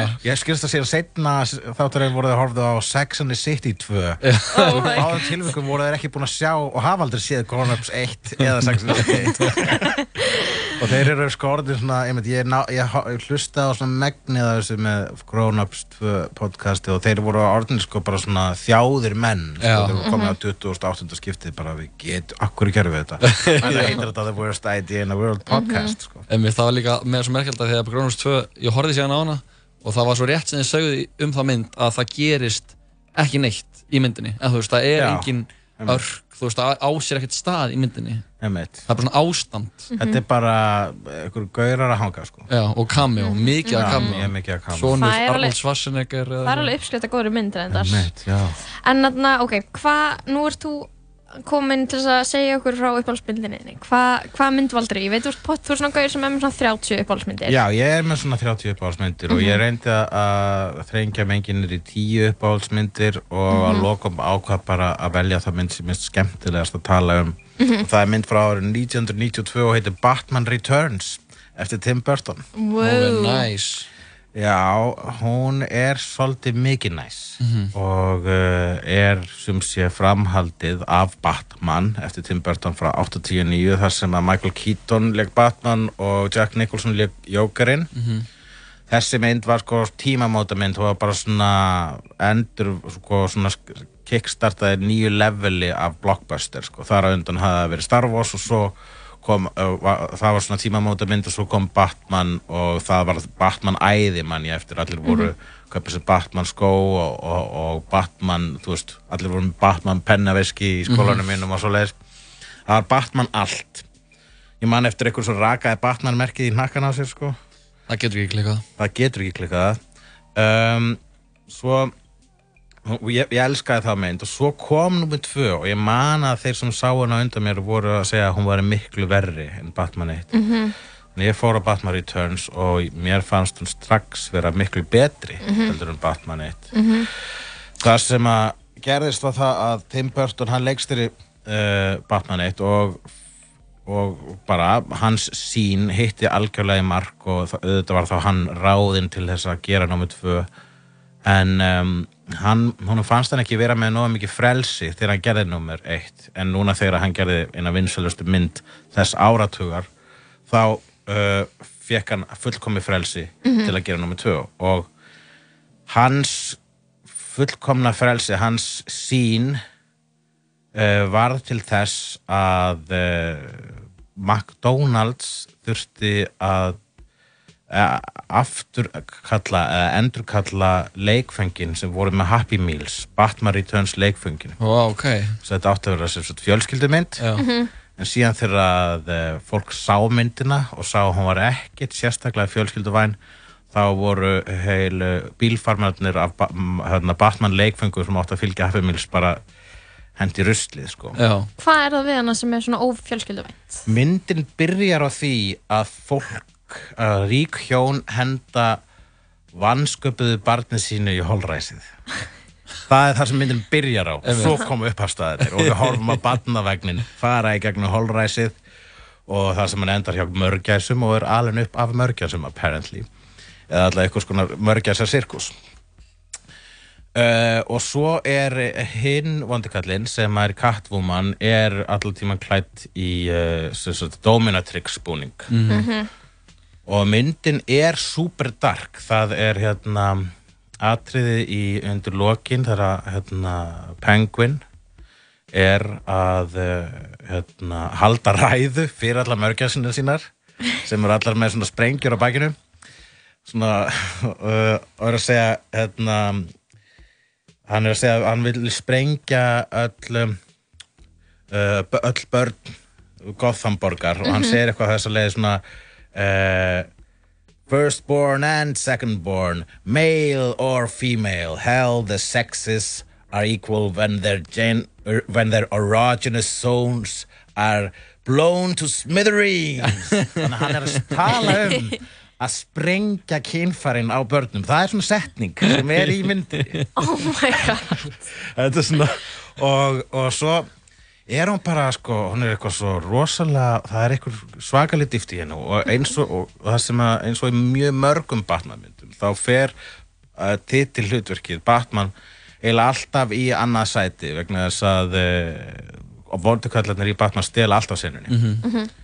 og það sem er líka svona þema í öllum Batman sögum er það að vondukallarnir í uh, í Gothamborg eru raunin bara eitthvað svona önnur útgáfa af Batman uh, og því, uh, þarna til dæmis þá eru Penguin og Batman þau eru báðir fættir af aðalsættum nema Batman hann var ekki vanskapaður og fekk, var sagt, ekki hent í holræsi. Hann var sem sagt, hann meira forréttinda barn Mhm. og meðan uh, Penguin er sá sem var, var hrifsaður frá honum erðarétturinn Catwoman er uh, kona sem að klæði sig í grímu eins og Batman en gerir það öðrum ástæðum uh, og til að hefna sín en gerir Mhm. það á uh, aðeins öðruvísi forsendum heldur en Batman sjálfur hún, Batman er í samstarfi við laurugluna, hún ekki hún er uh, það besta við þessa mynd Catwoman, leikinn af Michelle Pfeiffer sem á svo svakalegan leiksugur í þessari mynd að ég horfi bara stundum á myndina bara til að horfa á hana sko. Mm. Hver er að leika Batman í myndinni? Uh, Það er Michael Keaton aftur sem Mhm. að leik hann í f- fyrir myndinni og Keaton, uh, já, já. Danny DeVito leikur Penguin Danny DeVito leikur Penguin og hann er svona al, albínói, dvergvaksin albínói með gráar tennur og slefar svörtu og er sko. líka ógeðslegu perri sko, alltaf að perrast í hérna, aðstofa fólki sínu. Sérstaklega þegar hann býður sér fram til borgarstjóra svo fyrir þetta að vera svona politist líka. Hann býður sér fram til borgarstjóra og, og þá er hann svona gífulega perralegur við alla, að, allt aðstofa fólk sitt.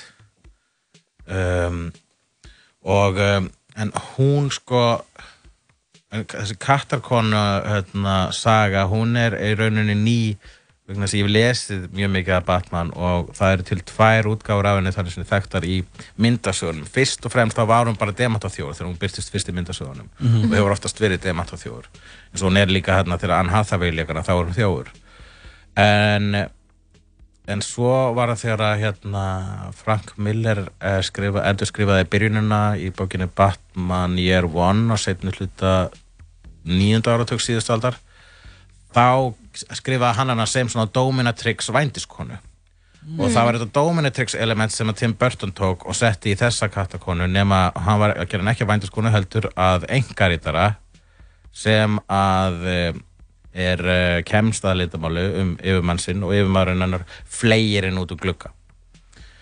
Og hún, hún rapar margar hæði niður en lifir eitthvað hluta vegna af uh, liggur hérna meðdutulaus og þá kemur skrítnasta og ljóðrænasta atriði myndarinnar þegar allt í hennu koma fullt af köttum og byrja svona að narta í hana. Þetta er bara Mm, svona eins og einhverju evróskri súreiliskri mynd. Mhm. þetta er svona eitthvað, eitthvað svona germanskur expressionismi í, lukkinu líka á þessari mynd en það er, það er sko verið að narta í puttana á henni það, er blæðir úr puttanum á henni og hún svona vaknar til lífsins og bara er alveg gjörsalega traumatisir og breytt og fer heim til sín og rústar íbúðinni sinni. Íbúðin hennar er öll svona í bleik full af böngsum, hún er búin að vera sko hún er aldrei almenna búin að fara á gelgjustgeiði þó hún sé orðin fullorðin. Mhm. og þarna sjáum við bara svona uh, aggressíðasta gelgjuskeið sem hefur séð, það sem bara rústar íbúðinni sinni Mhm. og meðast svona flottast það sem hún var með svona neonljós inn í e, stofunni sinni sem stóð á Hello there.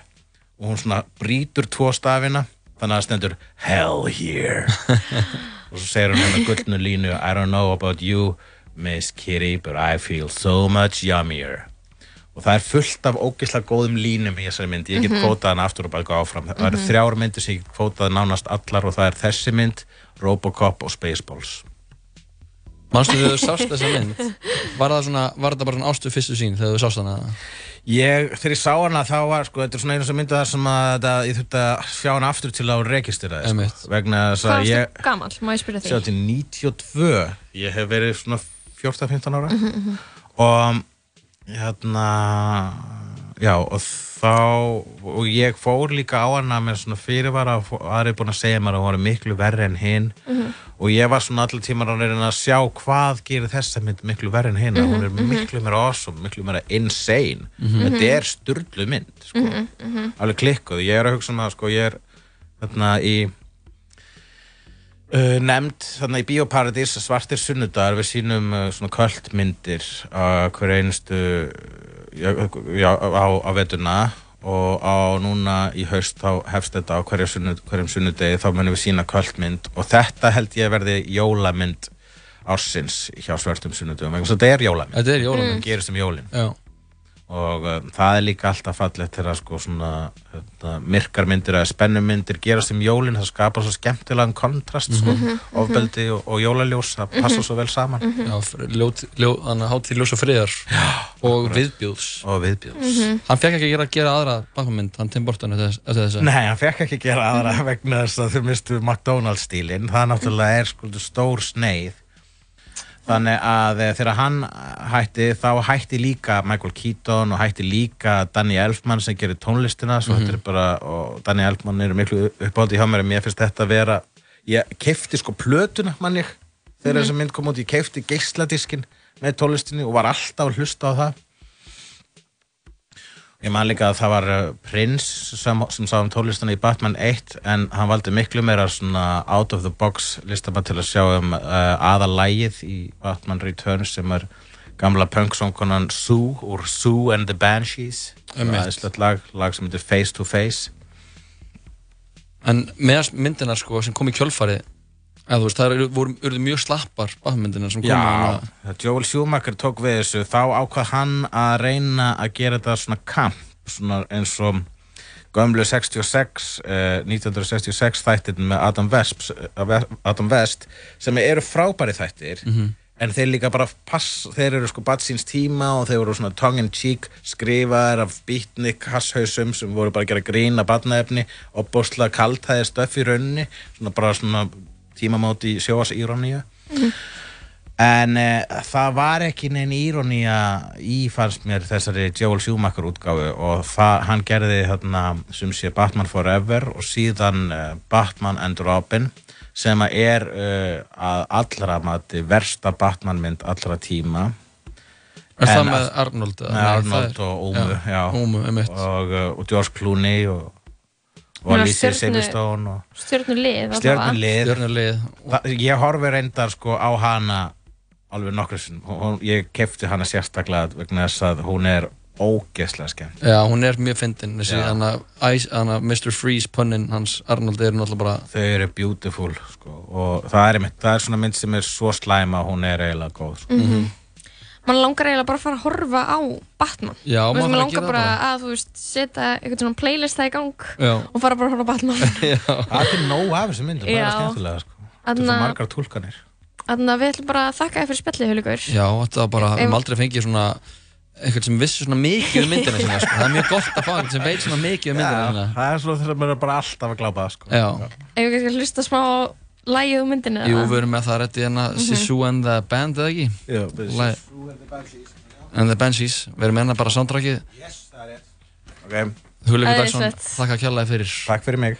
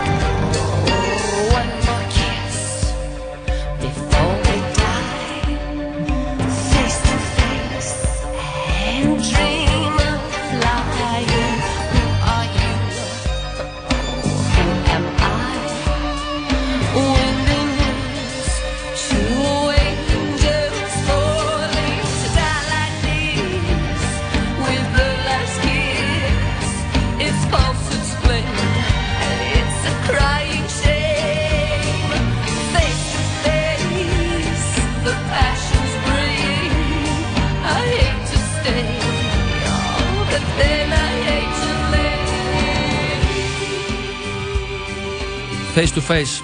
Þetta er uh, lag úr kymdinni Batman Returns frá árinu 1992 hljómsveitin Sisu and the Banshees. Við vorum með Hugleik Dagsson í liðnum kvikmyndinni. Mhm. hann var kveðið hann.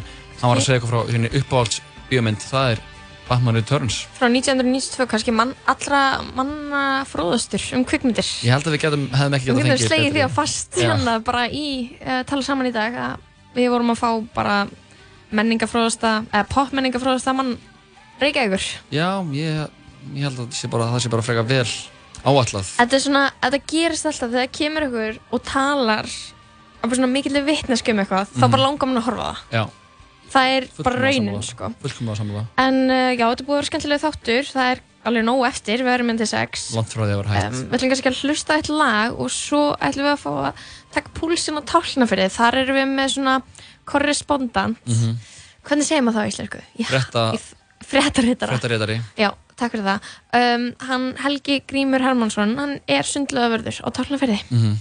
Við ætlum að fá eitt lag síðan ringjum við hann Helga Þetta er glænýtt lag með rapparunum Future á samt Lil Keat lagið heitir Undefeated I got that two and I walk out that door, got some head in the coupe and let off in the nose. I got some bougie shit holding my chopper. I got some bougie shit doing my chores. I got that bougie shit loading my Glock. I got that bougie shit folding my clothes. Hey, I got that Glock on the seat. Hey, next to that chop on the seat. Hey, coming too close and no tweaking. Hey, coming too close and no tweaking. Hey, I got some blood on my sneaks. Hey, I just shot come on a freak. Hey, I just shot come on a freak. Hey, I just shot come on a freak. Two loaded guns, I got double the shells. Carolina blue on a mini Chanel. Hop in the coupe and I move like a snail. You can smell all type of cushion in the air. Fly in the man and you moving them bells. You keeping that paper out on your trail. Shit in the laser. Yeah, fresh in the blazer. Yeah, mix like a glazer. Yeah, sharp as a razor. Yeah, big as a mayor. Yeah, hook up and slayer. Yeah, trust with a blade. Yeah, I do not eat. Yeah, I'm undefeated. Yeah, it's therapeutic. I got that two and I walk out that door. Got some head in the coupe and let off in the nose. I got some bougie shit holding my chopper. I got some bougie shit doing my chores. I got that bougie shit loading my Glock. I got that bougie shit folding my clothes. Loads of vibes, they meet at the dock. Hand on the foul when I'm whipping the block. Family gon' die when it comes to the boss. Spread the foul when you hit it exhaust. Count some money, it got me exhausted. I was in the dungeon before taking off. Staying in the streets and I'm breaking the law. Hang on the corner, they selling that boy. You come with them dollars, you come for the board. Came with a stylist, you in the sport. Hey, I got that Glock on the seat. Hey, next to that chop on the seat. Hey, coming too close and no tweaking. Hey, coming too close and no tweaking. Got that bougie shit for my clothes. I got that bougie shit on the pole. I got that wish like a Cosmo. Big the truck, not a tire. Bed shot, a dozen a room. Head shot, put a cash on food. Gucci socks, Chanel too. B slime bringing all the whole kill. Baby, I'm thugging, I oh, don't know about you.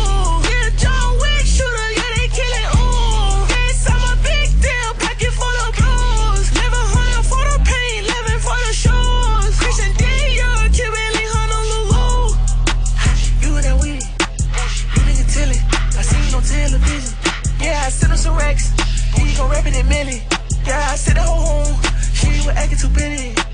I got that two and I walk out that door. Got some head in the coupe and let off in the nose. I got some bougie shit holding my chopper. I got some bougie shit doing my chores. I got that bougie shit loading my Glock. I got that bougie shit folding my clothes. Once you approve, slip off the shoes. Be so cool, sit by the pool. Who got the tool? Give me the tool. If you don't snooze, then you gon' lose. Shoot at the fools and win in the pool. Put it on cruise, making a drool. Making the news, making the news. Stretching them out, making the news. Hey, I got that Glock on the seat. Hey, next to that chop on the seat. Hey, coming too close and no tweaking. Hey, coming too close and no tweaking. Hey, I got some blood on my sneaks. Hey, I just shot come on a freak. Hey, I just shot come on a freak. Hey, I just shot come on a freak. I'm undefeated. Yeah, I'm undefeated. Yeah. Undefeated, Lil Keat og Future glænýtt lag frá þeim félögunum þú ert að hlusta að sitja þess að tala saman með Jóhann Kristoffer og Lói Björn Ah, Loksins saminuð. Uh, Sameinuð ég veit að, að hlustendur okkar hafa verið að býða eftir þessu. En nú erum við að uh, spjalla við hann Helga Grím á tálnafyrir. Hann er á línunni. Hvað er sæll Helgi? Góðan og blessaðan daginn. Blellaður í beinni, hvað segir kallin þá? Herri, ég er bara búinn að finna þetta senn jafnvægi sem allir eru að leita. Sko. Er það málið? Já, ég er hérna, ég er stattur á Rauðasandi eða La Playa Rosso, eins og við köllum það hérna á Þorfinsriði. Mm. Og það er 20 steg hiti, ekki ský á himni og örfáar hræður á ströndinni. Vákælum og næs. Þetta er bara mesta æði í heimi. Það er bara eina sem vantar til þess að þetta sé eins og Spáni er einhvern mann með hatta að lappa og Selja cerveza og fanta lemon og Já, það. já, já. Já, ein Fanta Lemon í höld, hönd Hvað hva ert að gera á Rauðasandi og hvað er Rauðasandur ef ég mætti spyrja? Herri, Rauðisandur er bara um, hann er við hliðin á Látrabergi. Hann er sem sagt bara, hann vísar held ég í átt að söðri. Þannig ég er að horfa núna á söður Allandshafið, Já, ég. Söður Allarshafið. Já, Að við komið þangað. Suður Allandshafið. Já, Ég hef allan að komið á Látarberg. Mhm. já. Það er virkilega sko. Þetta er æðislegt. Ég held sko að þessi hitabilgja sem er að bræða og kremja allt í Evrópu, sko, ég held að við séum bara að fá frekar góða útgáfa af henni hérna. Hljómar ekki illa, sko. Nei, við tökum við þessi bara ekki fagnandi. Við getum, við getum ekkert gert neitt annað. Lóa að það ekki að vera á bannmeri yfir Ég ætla bara að segja að þetta er svona ljúfsárt. Já, við ekki. við þurfum allavega að busla á þessum síðust og vestu, sko. Það er rétt. Já, menna, við deyjum öll endanum, þannig að Heyrðu, að ná léttari nótum Helgi, hvernig, hvernig er vikan búin að vera á tálknafyrir? Hvað er svona, hvað stendur upp úr? Herri, það sem að stendur upp úr er bara aðalega hvaða er alltaf ógeðslega gott verið hérna. Við Íslingar erum alltaf húgt á því og það er bara búið að vera byrjastlega gott verið allt sumar. Þannig að Mhm. fólk er bara mæti launa og það var meira sem maður sem sagði í gær að þetta væri topp þrjú besta laug sem hann hefði komið í að landinu. Vá, það er Já, ok. risastór yfirlýsing. Og fyrir hennan prest sem að ég er og sagði frá í fyrsta viðtali, þá er þetta náttúrulega bara, þú veist, góður stimpill á hofið. Mhm. Þannig að við, við göngum sáttra borði en, en annars er bara náttúrulega farið að líða að, að sko júli lókum og, og þá kemur haustið og, og, og farfuglarnir er að fara og maður það bara að njóta á þessum, um, eins og ég sagði, síðust á vesti sko. Hvað segir, ertu með eitthvað plön fyrir Vestlunmanna helgina sem þú væri til Herra, að deila ég- með okkur? Ég verð á, ég verð á vaktinni, þannig í sundleðinni, Mhm. þannig að ef einhver er að leita af ró og næði og, og þessu senn jafnvægi sem ég er að tala um hérna, þá er ekkert annað í stuðinni heldur en að skella sér á tjaldsvæði á topnafiti Mhm. og vera þar yfir Vestlandmannahækina. Það verður góður stemmari og þú kannski spilar eitthvað góð, eitthvað góð útíháttíða tónlist í andrina á lauginni eða heldur allavega uppi góðan stemmara. gott að ég hendi bara ekki brekkusöng á tjaldsvæðinu um, um, um, á lögðaskvöldinu. var ekki vitlaust, sko. Það verður alls ekki villast, Helgi. Er ekki brekkusöngur allstaðar þar sem það er einhver halli? Ég meina, ég bara, ni, bara niður bankastæði, það er, það er alls það sem ég vilji fyrir hendi. Já, það og er kalla bara brekkusöng það sem þú vilt kalla brekkusöng. Ok, þá ætlum ég að kalla þetta brekkusöng hérna. Herru, Helgi, Helgi grímur minn, það var inntlegt að heyri þér og við bara kastum hvaði á Rauðasand og, og áfram til Tálknafjörðar. Takk hjálpa fyrir krakkar mínir. Það var bara gott um helgina og Ha- farið varlega í umferðinni. Já, við gerum það. Guð blessi þig. Það var gott. Þetta var Helgi Grímur, uh, sundvörður og tálknarfyrði. Sundlöðavörður. Sundlögavörður. Hver minnur á sundvörður? Ég hef bara aldrei heyrt neitt segja sundvörður. Passar að þetta sé örglega sundlaug. Við ætlum að heyra lag og koma einn aftur í uh, larp umfyllun Jóa. Jói larp, hann er með larp á heilanum. Ég er með larp á Hann heilanum. ætlar að fræða ykkur um það. Ég veit ekki eins og hvað larp er. Ég ætla að koma að staði. En Já. fyrst lag. Fyrst lag. Sigue aquí tomándose otro tron. This is the remix. La vida para ti no ha sido fácil, ha sido en el amor muy demasiado difícil. Hay algo en el que ya no te complace, por eso sale y hace lo que hace. La vida es una y el tiempo no va a parar. Te lo digo porque he visto cómo se pierde amando. Bebé, yo creo el tiempo se está acabando. Te cambió siendo mejor que ella. Por mujeres y un par de botellas. Que no son amigos en verdad. Porque sé que te van a escribir cuando él se va. Everybody go to the disco.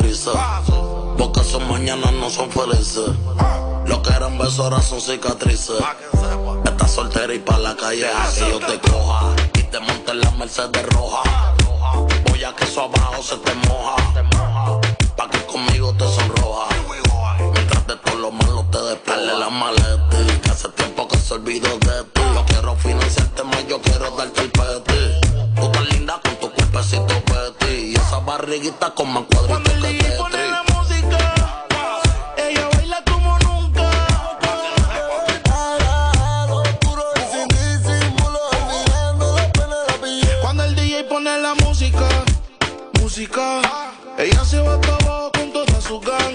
Ahora baila, fuma, toma, sola. Llega a la casa y no le dicen nada. Qué vida pa' que nunca se le acabe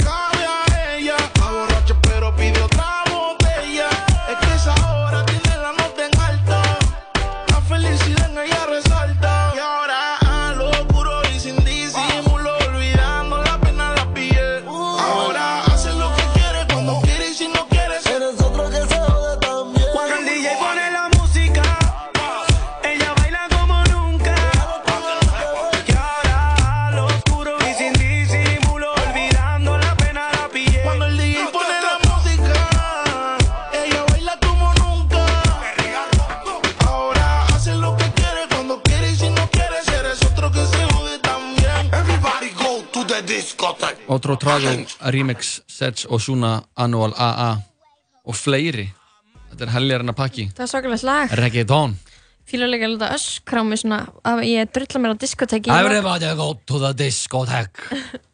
Viljum Þetta var- þetta þetta var frekar mikið líkt því sem var að gerast. Þetta var on Þetta point Þetta var on point. En, uh, Jói, uh, þú varst á larpháttíð í hvað, senstu viku? Jú, ég var Má kalla þetta larpháttíð? eða Þetta er hvernig- larpháttíð, já. Hvað segir maður? Ég var svo að koma úr smá frí og uh, ég haldi mér aftur inn í setinu og uh, feik mér í vindli eins og alvöru Svona kallmaður myndi gera. litlum kallmannsmyndi myndi, og þú ert með gelnaklur blei, Jói er sérst með bleikar gelnaklur bleik sólklur og svona perluarband Já. að kveika sér á minnsta vindli í heiminum. Já. að segja mér Joe, hvernig þessi larpátíð fór fram? Ég var svo sagt á hátíð sem heitir uh, Drakkenfest eða Dreka hátíðin Já, drakkan er náttúrulega bara dreki á þýsku. Já, Ég fatt að þetta ekki. Nei, lesson one. Þetta var haldið uh, í sveit uh, sveitabæ, að, við hlýðum sveitabæ sem heitir Dímelstad Mhm. sem er tveim klukkutíma frá Frankfurt. Mm Var þetta bara svona í Uh, miðju landinu eða? Ég er lélur í landafræði. Ok, ég ætla bara og Frankfurt. uh, ég veit ekki hvað þetta er en það var langt frá Berlín. Ég sagði við konuna á uh, á Ospanhof þegar ég ætla að fá eitt með til Dímelstad hún bara, já ok, hvað er það? segja það er í Þísklandi hún sagði, hmm, kannast ekki við það. Og Þú þegar ég sló ekki bara að segja nafna okkur um sveitabæ. Hvernig þetta er í huga að byggja um en þetta er ekki sveita þetta er ekki þú veist, Þetta er, þetta er bær. Já, en þetta er sveitabær. Náttúrulega Germania er bara risastórt land. Jú, jú, Þýskaland. Germania að segjum En uh, á þessi larphátti ég mætti hana með uh, ásum tveimur vinnum mínum eða bróður og einum vinni Mhm. Einn þeirra, Stefán, hef, hefur farið hana áður, áður fór fyrir þreymur árum með Brynjar í barka sinni Mhm. og uh, þeir fá að báru þessu svona góða söguna og þannig að við ákveðum að fara aftur í ár Mhm. og uh, Drakkenfest er á risastóru túni Mhm. og á hátíðin virka þannig að það eru svona mismunandi svona camps, ég veit ekki alveg hvað er camp í þessu samingi er á íslensku það eru svona uh, eins og fjölskyldur eða það er eins og svona svona houses, hvað segir maður Mhm. eins og er, er eins og er í, í Game of Thrones svona house Fjölskylda fjölskyldur en ekki beint samt fjölskyldur þetta er ekki, þetta er ekki svona fjölskyldutengsl en það eru svona, það er gull gull, þannig húsið sem er það sem við erum í Mhm. og það er allir með sitt eigi verki, það er gull, silfur kopar, Mhm. hvítt, svart uh, grátt, blátt, grænt raukt Mhm. og síðan er það sem heitir change Mhm. eða chaos Mhm. og það er alltaf að breytast þeirra svona þeirra svona, hot, svona heilindi og hotlusta með hverjum hún liggur er alltaf mjög órætt Mhm. Og Uh, byrju, er, þessi, er þetta eins og í Game of Thrones að það er allir við alla eða Nei. hópast fólk alveg saman? fólk hópa saman Ok. og þetta eru þessi hús sem er að keppast um að vinna Drakenfest Já. þú vinnur Drakenfest með því að sagna ákveðum fjölda eggja Mhm. sem hægt er að uh, fá með því að stela fánum annara húsa Mhm. með því að, að klára einhvers konar verkefni Mhm. uh, með alls konar hætti er þetta að fá egg Mhm. og uh, þannig að það er, er marglaga Mhm. Fyrir hvert hús er einn fulltrúi Mhm. svona avatar eins og það heitir og ég var í The Gold, Gold Camp Mhm. uh, og- Gullbúðunum. gullbúðunum, já og þar er, var hinn gullni avatar Mhm. og þessi avatarar, þeir eru svona í upphafi hverjar hátíðar er svona aðtöfn þar sem allir eru kynntir fram Mhm. og hvernig þeir koma fram með hvernig annan af þessari að- aðtöfn þegar allir eru kynntir inn einn ein, uh, ein í einu Mhm. þá kemur í ljós hver svona dýnamikinn milli húsana, búðana er það árið Mhm. og uh, það er annað það eru aðra búðir, orkabúðir Mhm. en orkanir eru ekki með fulltrúa Þeir eru Þetta er- vondukallarnir, þeir eru bara að reyna að sprengja upp heiminn og ef Mhm. orkanir vinna þá, þá er dra- drakkafest búið Já, já, já, síðan ok. er líka bær inn í bænum eru búðir og alls svona dót og fólk að selja mat og, og það er hægt að vera í spilavíti það var hægt að fara á hóruhús var Og var ég alveg nætt að kaupa sér vendið hana? nei það var ekki hægt Ok, en það var þetta fyrir svona þykjast vera að fara að gera það? Já, þú veist, það var bara svona Karakterinn, já, já, ok. Það er baðhús, það var allt mögulegt í bóði Það var þetta fyrir nutt og uh, Og það var alveg nutt samt? uh, já, Ok.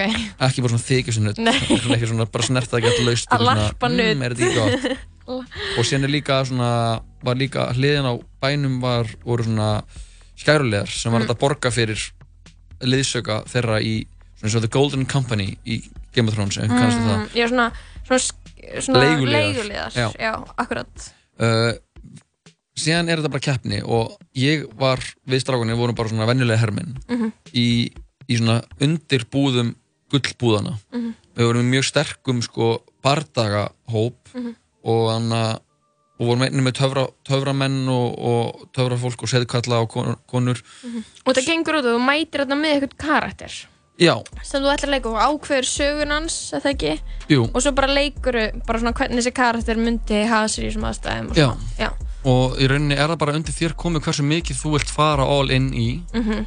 uh, sumir mæta á Drakenfest bara með fjölskylduna sína Mhm. setja upp búðir og er ekkert mikið endilega að spá í hvernig leiknum líður Mhm. þau eru bara að hafa það huggulegt Mhm. uh, af því að það sem þetta gefur þér er algjört rými bara til þess að slappa af Mhm. uh, það hægist hæðist mjög mikið á tímanum Já, Allt- er engir símar þarna eða... Nei, það er lítið samband ég maður bara með slögt á símanum á daginn og maður kannski hringdi heim á kvöldin Já. en suma daga ekki Mhm. uh, hliðin á okkur, vorum, ég var sett í búðun sem heitir The Morning Star Mhm. uh, morgunstjarnan hliðin á okkur var fólk sem var að larpa þetta eitthvað svona teknmynda útgáfu af japanskri menningu sem heitir R- Rokokan Mhm. uh, og þau voru bara með svona japanskt setup þau voru bara með svona, anna, svona dýnur Mhm. uh, og sjátu bara gólfinu voru með te og keks voru bara meðlunur og voru með hundana sína Mhm. og þau voru bara slappa af Mhm. þetta, veginn, þetta er eins spennandi og gaman það var að fara að því að maður, síðan var, við vorum bara að berjast við vorum bara að mæta, fórum út að berjast og vorum, að, vorum lífverðir eins gæja sem var svona diplomati sem fór að færast í, í hérna búðirnar og var að kynna sér anna, þeirra hætti Mhm. uh, eins mikið aksjón þetta bauð upp á það bauði þetta líka upp á eins mikla afslöpun og nokkurt frí sem ég hef farið í hefur Mhm. bóðið upp á Mhm. af því að þegar þú ert ekki alltaf að hugsa um eitthvað hvað þú ert að fara að gera Mhm. Þú bara, þegar eitthvað kemur að gera þá gerir það Mhm. og þess á milli þá ertu bara að slappa af Mhm. einhvern tíma þá lágu við svoandi við þrýr vinnir inn inn í tjaldi uh, Morningstar sem var okkar okkar búðir Mhm. og þá kemur einhver inn og segir það, það þarf einhver að vera á vakt það þarf einhver, einhver frá ykkur þarf að fara inn í bæinn og vera sett á uh, að varða að svona vernda bæinn Mhm. þannig að ef eitthvað fólk er með eitthvað uppstætt þar passa fólk sé ekki með vopn uppi og svona og þá sagði eitthvað, heyrðu ja, það er eitthvað svona, en hvað með þessa þrjá, geta þeir ekki komið þá, þá sagði einhver úr kampinu, en nokkur úr okkar búðum sagði bara, nei, leiðu þeim að slaka á þeir, þeir eru að skýla smá kvíld þeir eru búin að Mm. vera á fullu Mhm. og við þurfum að hafa þá vel út kvílda Mhm. og ég var vakandi en ég heyrði þetta og ég var bara, oh my god, hvað er ótrúlega mikið hrós Aha. og bara þetta gerir svo ótrúlega mikið fyrir mann að því að, Mhm. að því að við vorum bara alltaf tilbúin að fara að berjast eða sinna einhverju sem við þurftum að sinna Mhm. en þessu er bara, þeir eru bara eins og anna, þeir eru bara ann- annarkvort af eða á núna Mhm. eru þeir bara off, nú eru þeir svoandi Mhm. nú kvílast þeir Mhm.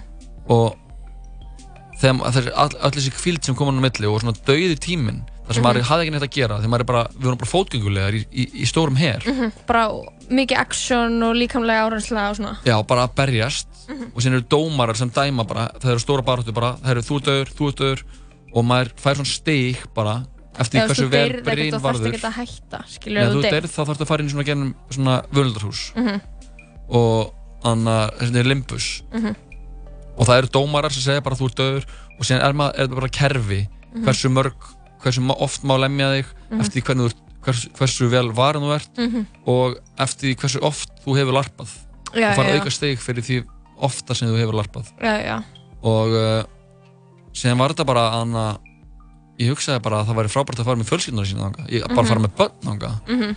af því að það var bara einfalt upp í okkar búðum var búið, við borguðum auka fyrir að fá að vera hluti af þessum búðum Mhm. og þá var það í að við fengum auðvitað hluti af einhverjum sögutræði sem var átti sér staðinn í búðunum Mhm. þannig að það var svona auka, maður fara að auka engagement, Mhm. auka þáttöku og síðan var súpa á kvöldin Mhm. sem gammal maður sem kallaði sér Togg eldað á hverjum degi hann er búin að mæta hana í 15 ár í röð hann ger ekki neitt nema að elda það var einu sem hann gerði og bara þessi litlu litlu nöytnir bara að borða banana Mhm. eins og við vorum geðsvangir það var bara mjög takmarkað mat Mhm. maður gæti keft sér mat í bænum en við vorum ekkert mikið að því maður borðaði bara eina máltíð á dag kannski Mhm. tvær einhvern veginn þá fengum við banana vorum að degjur hitta Mhm. var alveg sla, slagað í 40 stæði hitta þannig sko. Já, var þetta kannski bara þegar hitabilgjan er í gangi? en það var mjög heitt það, Já, var, já, það var alveg svona 35 stæði hitti Mhm, mhm. og uh, einn tíma bætið að sló vatnið út þannig að þá, bara, þá, þá var sagt bara að það má ekki berja svona nú bara er allir að kvílast Mhm. það má ekki með mikið taka sensinn Já, já, já við borðum einhvern tíma banana á þessum tíma Mhm. og það var bara eins og ég var að borða bara besta bestu móldi sem ég nokkur með að smakka Mhm, sko. mhm. þannig að ég bara ímynda mér að, að, að í kjölfara þess að hafa farið þannig að ég geti bara farið á hverju ári sko. Já, já, það var bara það gaman en þetta er bara eitt af skemmtilega sem ég á Mhm, æfinni gert mhm. Og ég bara, ég, ík ekki þegar ég segja það. Mhm. og fara með góðum vinum ef maður með, við erum kannski nóg margir næst að vera með okkar eigin, okkar eigin búðir. Já, já, og, og síðan eru mismunandi þú veist, það er mismunandi áherslur í búðunum. Þannig að rauða rauðbúðina voru mjög góð að berjast. Mm. við vorum með svona, daldið svona diverse alls konar, Mhm. alls konar fólki okkar Og líka er, er, er ekki rétt sem er að þetta bæði skilur eitthvað svona, jú það er eitthvað herna strategi og það er fólk að berjast en svo er líka eitthvað svona yfirnáttúrulegt og Jú, alls konar fantasíur og töfrar og- töfra jú, fólk og eitthvað, illir andar illir svona. andar, já, en það við vorum okkar búði voru, vorum ásótt af illum anda Mhm. leiðtónir sem voru sem leittu okkar búði voru ásóttir Mhm. og þá komu andar inn í búðunar en aðeins þeir sem hefðu drukkið eitthvað sérstakann drikk gátu séð andan Mhm. þannig að ég sem Jóhann á larpi þurfti að horfa á einhvern karakter í einhvern búning leika andan leika anda en, en Spíró Já. persónan sem ég leik hún sá hann ekki Já, já, þannig að maður þurfti að leika með það en síðan auðvitað er mismöndi hversu mikið maður investar í Mhm. og svo ég náttúrulega er svona leikmentaður sko, þannig að Mhm. ég gætt leikið með, með mjög mikið þegar ég var í stuði fyrir það Mhm. en síðan eru aðrir hana sem er ekkert hæfir til þess að leika upp á Mhm. neitt mikið sko. koma allir bara sínum forsöndum Fólk og fá bara Já. það sem þeir vilja útrúsum í rauninni og, og frelsi til að, að, það sem ég var líka áhört að sjá var að fólk var að leika eitthvað svona típur sem það væri, hefði til í að vera vera á Mhm. þessum tíma Mhm. eða þú veist, í gamla daga eða, eða einhvers svona fantasy í bíómynd En eða- svona alltaf svona miðalda-based í rauninni. Já, svona er, já, fantasíur. já, fantasíun er, þetta svona Game of Thrones, veist, það Já, er þessi heimur, það er Svona orka kublar og stríð og, og stríð og, já. Þannig að ég geti í rauninni, geti talað um þetta endalaust. Já, sko. maður getur farið þarna og verið um, eitthvað svona í fantasíunu bara hver, hver, hver maður verið til í að vera, fengið frá frí frá sjálfum sér. Já, algjörlega, sem, Sem- er svo þægilegt, sko. Mhm. Og bara hætta að hugsa og byrja að að gera, sko. Og leika sér. Já, stop thinking, start acting, Mhm. sá ég á skrifa vegg í Berlín í kjölfar þessari ferðar. Mhm. Svona talar heimurinn við mann. Um, við ætlum að fá lag og svo ætlum við að halda áfram í tala saman. Við verðum með ykkur hérna til sex í dag, Lóa og Jói. Já, hvort við verðum og... Að eh, tala saman. Að tala saman. Ekki. Við fá eitt uh, lag með uh, bandarískjuna rapparunum Roddy Rich og uh, það er gaman að segja fyrir því að þetta lag er pródúserað af íslenskum strák sem kallar sig Ice Star Beats. Herru, það er geðveikt. Þetta lag kom með 13 miljonir á Spotify og 20 okkar á YouTube. Vel gert. Veit ekki margir að ég er búinn að setja mig í samband við hann, ég ætla hann að fá hann í vittalengt í mannina, Mhm. ringi hann. En uh, já, þetta var smá larpspjall. Nú er það Roddy Rich lagið, Fuck It Up. I gotta get that shit like right for me. So this shit could be hard, low key. I send back the five, tell Shawty I love her, she still gon' act like I ain't done enough. These bitches be lying, I ain't got the time, that's why I'm in love with my double cup. I'm out of my mind, my words be slime. I bought a new Marrow to fuck it up. I bought Mercedes to fuck it up. I bought a AP to fuck it up. I'm just tryna run the cake up. Versace sheets just to make love. Got a private just to make drugs. Cause I'm tryna flood the face up. i been fucking with the same plug. i been fucking with you rich niggas. Had to whip it with my wrist nigga. Then I got it on my wrist nigga. Yeah, yeah. of a rich nigga, about the consequences of a rich nigga. I seen too many niggas switch nigga. I can never be a bitch nigga. Ain't nobody give me shit, I got it on my own score with no assist nigga. Pyrex or a hit nigga. Either way, I be a rich nigga. Have you ever been whipping the dope so good you think that the feds watching? Cause my OGs, they been whipping the double. My niggas got most of their bread flocking. Feel like burger, I'm stacking the cheat and then ain't the trap house rear out. I was trying to push work with you. Your mans came, now the feds knock. Now I wanna run it up, nigga. Purple fender in the cup, nigga. VVS is straight from my behind. You play you by the nigga, why you lying? Got yours, had to make mine. Past cross state line. You bitches always trying to take the check. See a baller, then they break the neck. I said, yeah, yeah. Tell Shawty I love her, she still gon' act like I ain't done enough. These bitches be lying, I ain't got the time. That's why I'm in love with my double cup. I'm out of my mind, my words be slime. I bought a new Marrow to fuck it up. I bought Mercedes to fuck it up. I bought a AP to fuck it up. I just tryna run the cake up. Versace sheets just to make love. Got a private just to make drugs. Cause I'm tryna flood the face up. i been fucking with the same plug. i been fucking with you rich niggas. Had to whip it with my wrist nigga. Then I got it on my wrist nigga. Yeah, yeah. Got it out the mud. With my wrist and tore the vegan up. And it's always been fuck the law, so I can't ever pick the bacon up. I run the bezel while you playing with me. My life a movie living HD. My jeweler call he got an AP. I keep my dogs, no snakes with me. Seen false niggas live a long time and the real niggas die young. Yeah, yeah. I seen the boss nigga get shot. He took a loss, then he got high. They look through the blinds, giving the time. Fuck the police, we just shake the spot. Put the peas in the duffel bag. Little brother gotta take the Glock. Main reason I don't fuck with you niggas, you run them digits, then you turn snitch. All your dogs got locked up, then your best friend was a sherm stick. I wasn't born a baller, I had to stack it up, I had to learn this. Everything I gotta earned it. Sit back with your turn.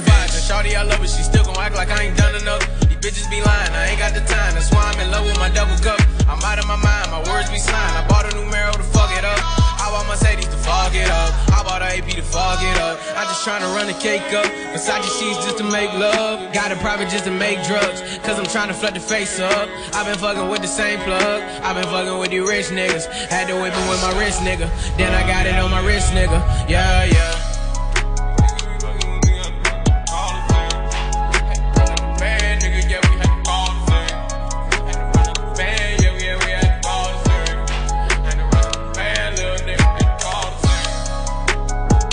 Fuck it up, þetta er rapparinn eh, Roddy Rich hér á útarp 101 klukkuna vantar eh, 20 og uh, 3 mínútur í 6 á þessum fína miðgudagi Jón Kristófur Lóabjörg með þér kærlustandi í síðdeginu Mhm. Já, virkilega gaman að vera hérna með þér, Jói. Sumulegis, Takk það er gott að vera komin aftur í útarpið. Ég er bara búin að vera að tala fyrir uh, fára eirum núna síðustu Mhm. vikunar. Aðalega fjögur eiru sem hafa fengið að verið þess, þess heiðus aðnjótandi að fá að hlusta með tala. En núna er svo sannlega breyting þar á. Þannig að maður verður háður því að tala í útvarpi. Já. er eins og fík. Já, þetta er svo fíkn og ég held að fólk verður líka hátt í að Hlusta. hlusta á, á mig tala, sko. Sérstaklega þú líka. Já, ég er uh, háð því. Það er Já. alveg rétt að þér. Ok, en uh, við erum að fyrir leik.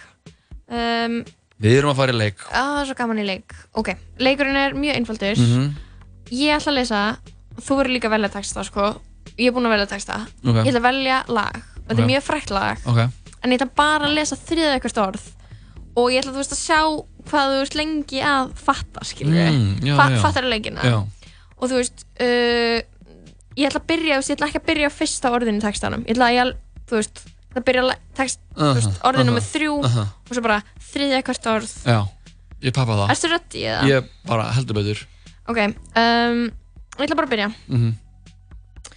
Um, y'all is beat banging ah, þannig kemur orðið ah. Já, ok, það verður bara að vera hannig. mm, ok, ég má sleppa að segja titilin á læginu Ok, er það ekki reglan? ok, ok. Mm, definition boys they treasure get from you me squeeze I I I why boys and mm, delicious ain't Ertu ekki að fatta það? Er það I like it með Cardi B? Nei. Nei, ég er bara... Er, ertu alveg lost? Já, ég er alveg Ó, lost. mér finnst þess að ég sé búin að gefa svo marga vísfendingar Ok, ég ætla Hvað að bara halda I, is. Ok, veitu mm, Hvert var ég komin? Ok, ég er búin að segja delicious Ain't If All Is Blow That Boys The And Ok, þetta er eitthvað boys, er Bíddu. kannski eitthvað... Lining Block Watch Got Two Delicious I Hot I Put Rock Delicious I Taste Got I'm Tasty Ég veit ekki hvaða lag þetta er, sko. Ekki? Nei. Ertu alveg lost? Já.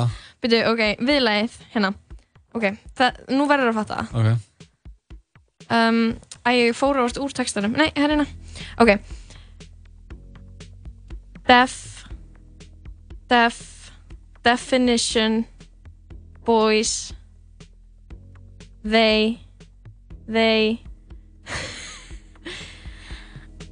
Comin Callin Ok, ertu alveg lost það? Ég Ég, sko sem ég var að búin með Já, textanum á ég laginu veit ekki hvaða lag þetta er, sko. Ég var að reyna að passa mig að verða ekki of auðvöld lag. Þetta er Fergalicious Já, já. Já, ég er bara einhvern veginn, það kom ekkert inn í huga mér. Þú skal menna. Ok, Þetta er eitthvað. It's so delicious Þetta, skilur, Já, I'm já. Fergalicious Definition Já, boys, já. Jú, ok, já, ég játa mig sér það. Ert þú tilbúin að? Já. Ok. Inn, minn, virtist, reykinn, vangjum, á, hvítur, stinn,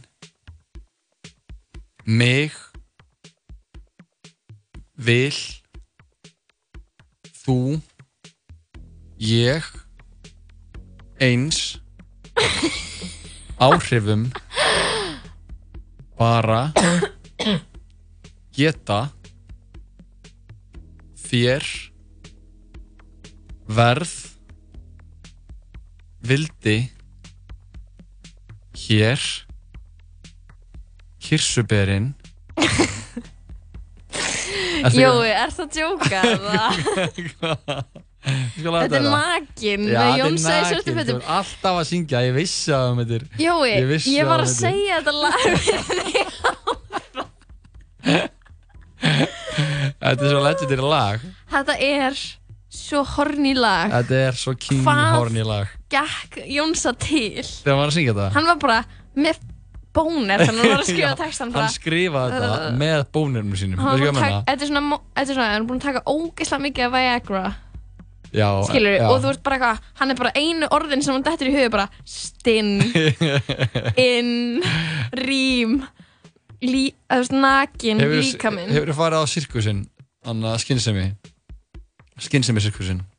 Mm, Nei, hvað er það? Þannig að sirkusinn sem var alltaf eina Mm, já, ég fór ekki á hann, sorry. Nei, það var gæi þar sem málaði mynd með tippinu Mm, já, ég veit að hann fyrir stundum í visslur og gerir eitthvað svona. Ég get alveg trú að þetta lag hafi verið skrifað með tippinu Bara sett svona blí inn í þær og svona, eins og hann tippi eins og blípenni. Ertu með annan texta fyrir mig að? Nei, getur við ekki hlusta bara á nakin smá eða? Jú, gera Síðan kom, aldrei að vita hann við förum aftur í hann leik Þetta náttúrulega er mjög erfiður leikur Já, ég valdi of erfitt lag. Já, bara eitthvað Fergalicious, þetta er ógæslega langt síðan maður En ég valdi öðuldara lag og valdi að fá að hlusta á það Þetta er í sjálftum fötu, lagi heitir Nakin, ég myndi mæla með að þið myndu passa halda, halda í fastum klófið eitthvað svo að það fari ekki að hlaupa með ykkur í gönur Já, Jói er komin þetta aftur í Þetta og er, er graðasta lag í sögu þjóðar. Íslands. Já. Já.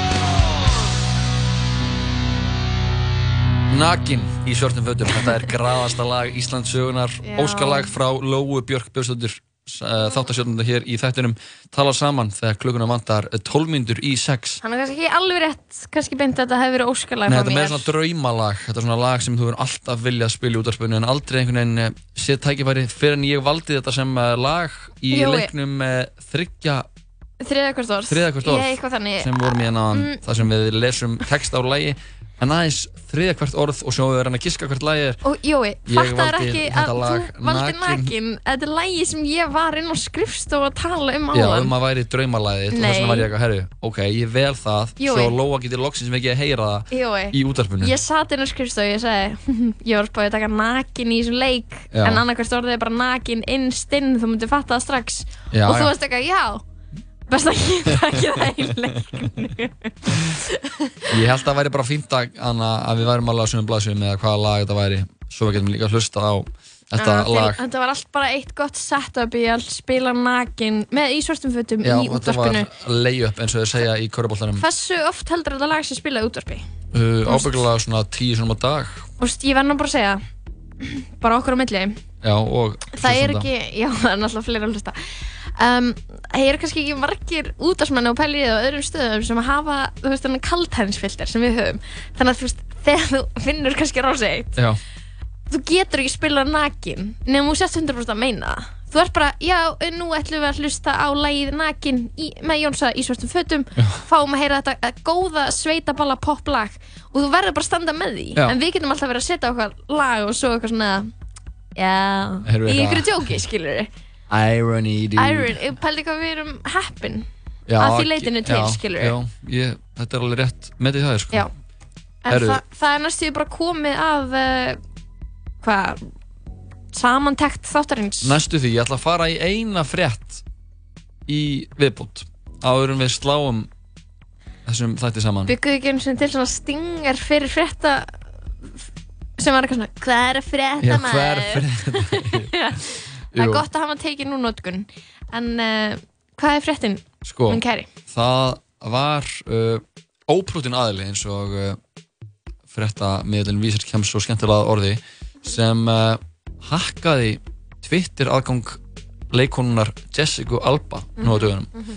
og uh, þetta fór svona fór að bera á þessu þegar aðdæmandur leikonunar fór að sjá svona, mm, hvað getur maður sagt tíst sem að maður myndi kannski ekki halda að Jessica Alba væri svona einhvern veginn brinnu á henni að hún Mhm, væri mhm. þyrsti að segja uh, betur að lesa upp dæmi um tweet frá um hakkara uh, já, Ímyndum þetta er okkur- já, að, ég verð að taka fram að þetta er Já. náttúrulega klárlega ekki hana, okkar uh, hana, málsáttur eða, eða þú veist, þetta er ekki okkar hana, skoðanir sem er að koma fram í tístum þessara hakkara sem ok, betur, er þetta eitthvað svona er þetta eitthvað ótrúlega óveðandi þetta er doldið uh, og, þetta er, er, já, þetta er hana, og í samhenginu sko Jessica Alba sem er svona good girl Hollywood sko. Já, hún er það segja svona það. innocent hún er með það, það svona vibe hún er alltaf typecastu sem svona eitthvað góð gælla Mhm. svona oftast já hvernig hljóða þessi tweet Uh,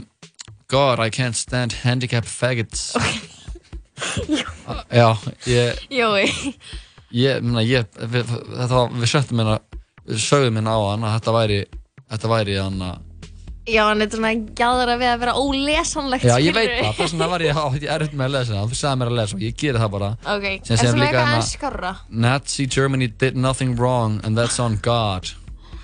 Og uh, þetta er eitthvað þetta er eitthvað trollari sko. Þetta rumor er, has it that handicapped faggots Ok. are behind 9-11 Bush didn't do 9-11 it was planned by a handicapped faggot. Ok, hættum að- geturðu hætt að segja þetta? to Geturðu hætt að segja- get- já, þetta er ekki nógu gott lof nei, þetta, þetta er ógíslega hattusorðraða þetta er þetta basically. og það var uh, það var hún Jessica Alba sem var fyrir barinu á þessum skúrkum í þetta skipti hún kallaði einni eftir því að rapparinn YNW Melly er þess sleift um fangelsi. Og uh, já, það, þetta er merkilegt að vera svona hakkari og fara Mhm. inn á Twitter hjá okkur svona liði og vera bara að segja eitthvað svona, eitthvað svona kjaftaði til hvers Mhm, mhm. fyrir eitthvað svona þrjármíndur að einhverju aksjoni eða þú veist, veist hvað ég meina? Já, alltaf pælir í því, skilur að hann að það er náttúrulega fullt af fólki sem er bara ekki menni, maður kannski plattform, skilur, langar í smá aðtegli, Mhm. kann að hakka, Mhm. finnst, þú veist, þetta er svona Heldur að fólk gerir þetta bara í svona gríni bara? Nei, fólk sem náttúrulega sem hefur svona svakalega, fær náttúrulega adrenalin röss úr þessu. Já, jú, jú. Þú veist, þú veist, þetta er náttúrulega, náttúrulega fyrir utan að hv- hvað þetta er mikil hatursorða. Það er svona eitthvað, ok, allt í einu er bara, ert þú að tvíta eitthvað úr, þú veist, munni frærar konu, sko. Já, já. Það hlýtur að vera eitthvað svona, eitthvað spenna, Mhm. fólkinni því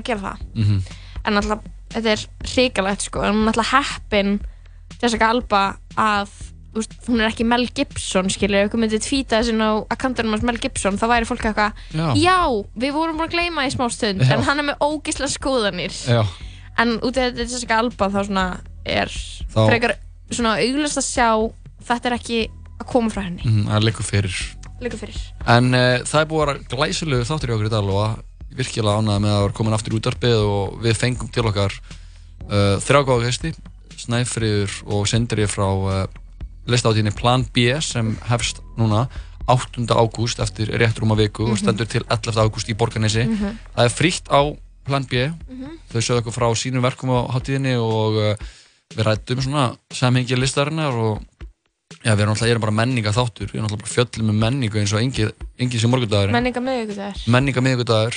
Það var virkilega gaman að fá þau, Snæfri og Sindra. Við uh, hringdum í Helga Grím, sundlega verðun okkar á tálknaferiði sem... Hann, Uh, hann var stattur á Rauðarsandi, og staddur á Látrabjargi. Rauðarsandi. Hann var bara í einhverjum algjörum, bara, hann einhverju gleðivímu yfir sólinni og, og lífinu. Og, Já, hann var heldur, hann var rosa hress. Hann var rosa hress.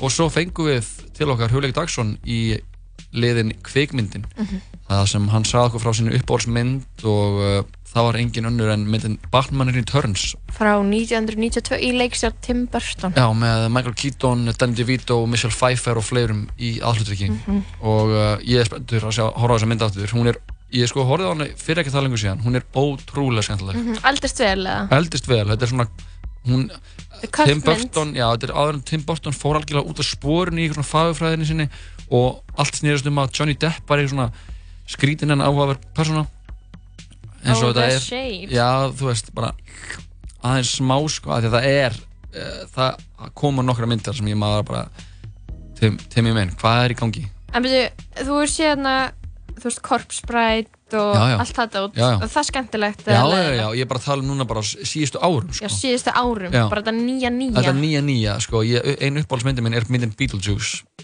Já. Ok, ég held að fyrsta hlátuskasti mitt efur á æfinni var þegar hausinn hans minkaði í Já, Beetlejuice. það er ótrúlega fyndið. Þegar hann er bara að býða eitthvað í himnaríki eða helviti eða hvað Já, er bara lim- hann er í limbónu, já. limbónu. Og, þú, og hann hausinn hans minkar, ég bara, ég grenjaði, sko. Já. Þetta, ég ætla að gefa þessi topp 5 finnasta kvikmyndatriði. Já, ég bara skrifaði það, bara any day Mm -hmm. Og Já, alltaf síðan- gaman að fá svona menningarumfjöllun. Já, heldur betur og, og bara gaman að tala um hugleik um og, uh, hann mætti með þvíleika vitneski um þetta lag. Eh, Nei, um þessa mynd. mynd. Og síðan spjallaði ég aðeins um LARP hátíðina sem ég var að koma af. Og bara gaman að geta uh, frætt þig Lóa og vonandi ykkur kærulisendur um, um LARP og þessa hátíð Drakenfest sem ég var að koma af sem er haldin í Þýskalandi hvert ár. Mhm. og gaman er að koma aftur. Síðan tókum við eitt svolítið leik þriða hvert orð þar sem við lesum þriða hvert orð úr texta og poplægi Mhm. og maður er að giska hvert lagið er Mhm. uh, ég myndi að segja að uh, við höfum bara þetta var Ja. jafntefli Nei, þetta var 1-0 fyrir mér og þú komst ekki, þú fattar ekki mitt lag, sko. Já, en ég, ef, ef ég hefði farið eins og þú inn í hennar leik þá hefði þetta endað bara 0-0 Já, Já, það er líka bara alltaf. nei, ég gaf okkur svona tækifæri til þess að vera, geta spjalla aðeins lengur og koma smá bandur upp úr þessu þannig að ég myndi segja að þetta var klart jafntefli í, Mm, aðleikslokum Þetta var um, 1-0 fyrir mér. En við þökkum kærlega fyrir okkur í dag við ætlum að enda þetta á einu góða lægi við verðum aftur hér á uh, morgun Mhm. Jakob Birgisson verður með okkur þá Mhm. og uh, það er bara enn og aftur þá verð ég að fá að segja hvað er gaman að vera komin aftur hingað Já. í að hverju skutt 105 Já. út af 101 sýtæðisátturinn tala saman Næstu tveir þættir er manna ætlum við höldum ekki, ég var reynda með Agli í gær, við vorum svona aðeins að keira upp, við kallum það bara svona lítið pre-kend sko, það er náttúrulega stór helgi framöndan, Já. versluna manna helgi og já, við ætlum að hita okkur upp fyrir það í saminningu, Já, ég ætla bara, fólk verður áttur að fara bara sko með bara blóð í kynfærunum yfir þessa helgi sko. Ok, herru, jói. Fólk verður alveg sko svo spennt fyrir uh, Vestló, hvort sem það ætlar að vera í bænum, hvort sem það ætlar að fara á þjóðtíð í eigum, fara í Mýraboltan, Larpa. Larpa, fara norður á, uh, hvað heitir aftur akur, það sem er akur? Einum öllu. Einum öllu. Og uh, fáum Norðan eitt, punk og alls konar. Norðan punk, það er allt að gerast um helgina. Og- kvotmót. Um munar Mm. og ég ætla að enda þáttin í dag á einu góðu danslægi. Ég sá þess að hljómsveit spila á Sona Barcelona núna fyrir hvað, tíu dögum síðan. Það er hljómsveit Disclosure. Við þökkum fyrir okkur í dag. Takk fyrir mig. Það er lagið Help Me Lose My Mind með London Grammar.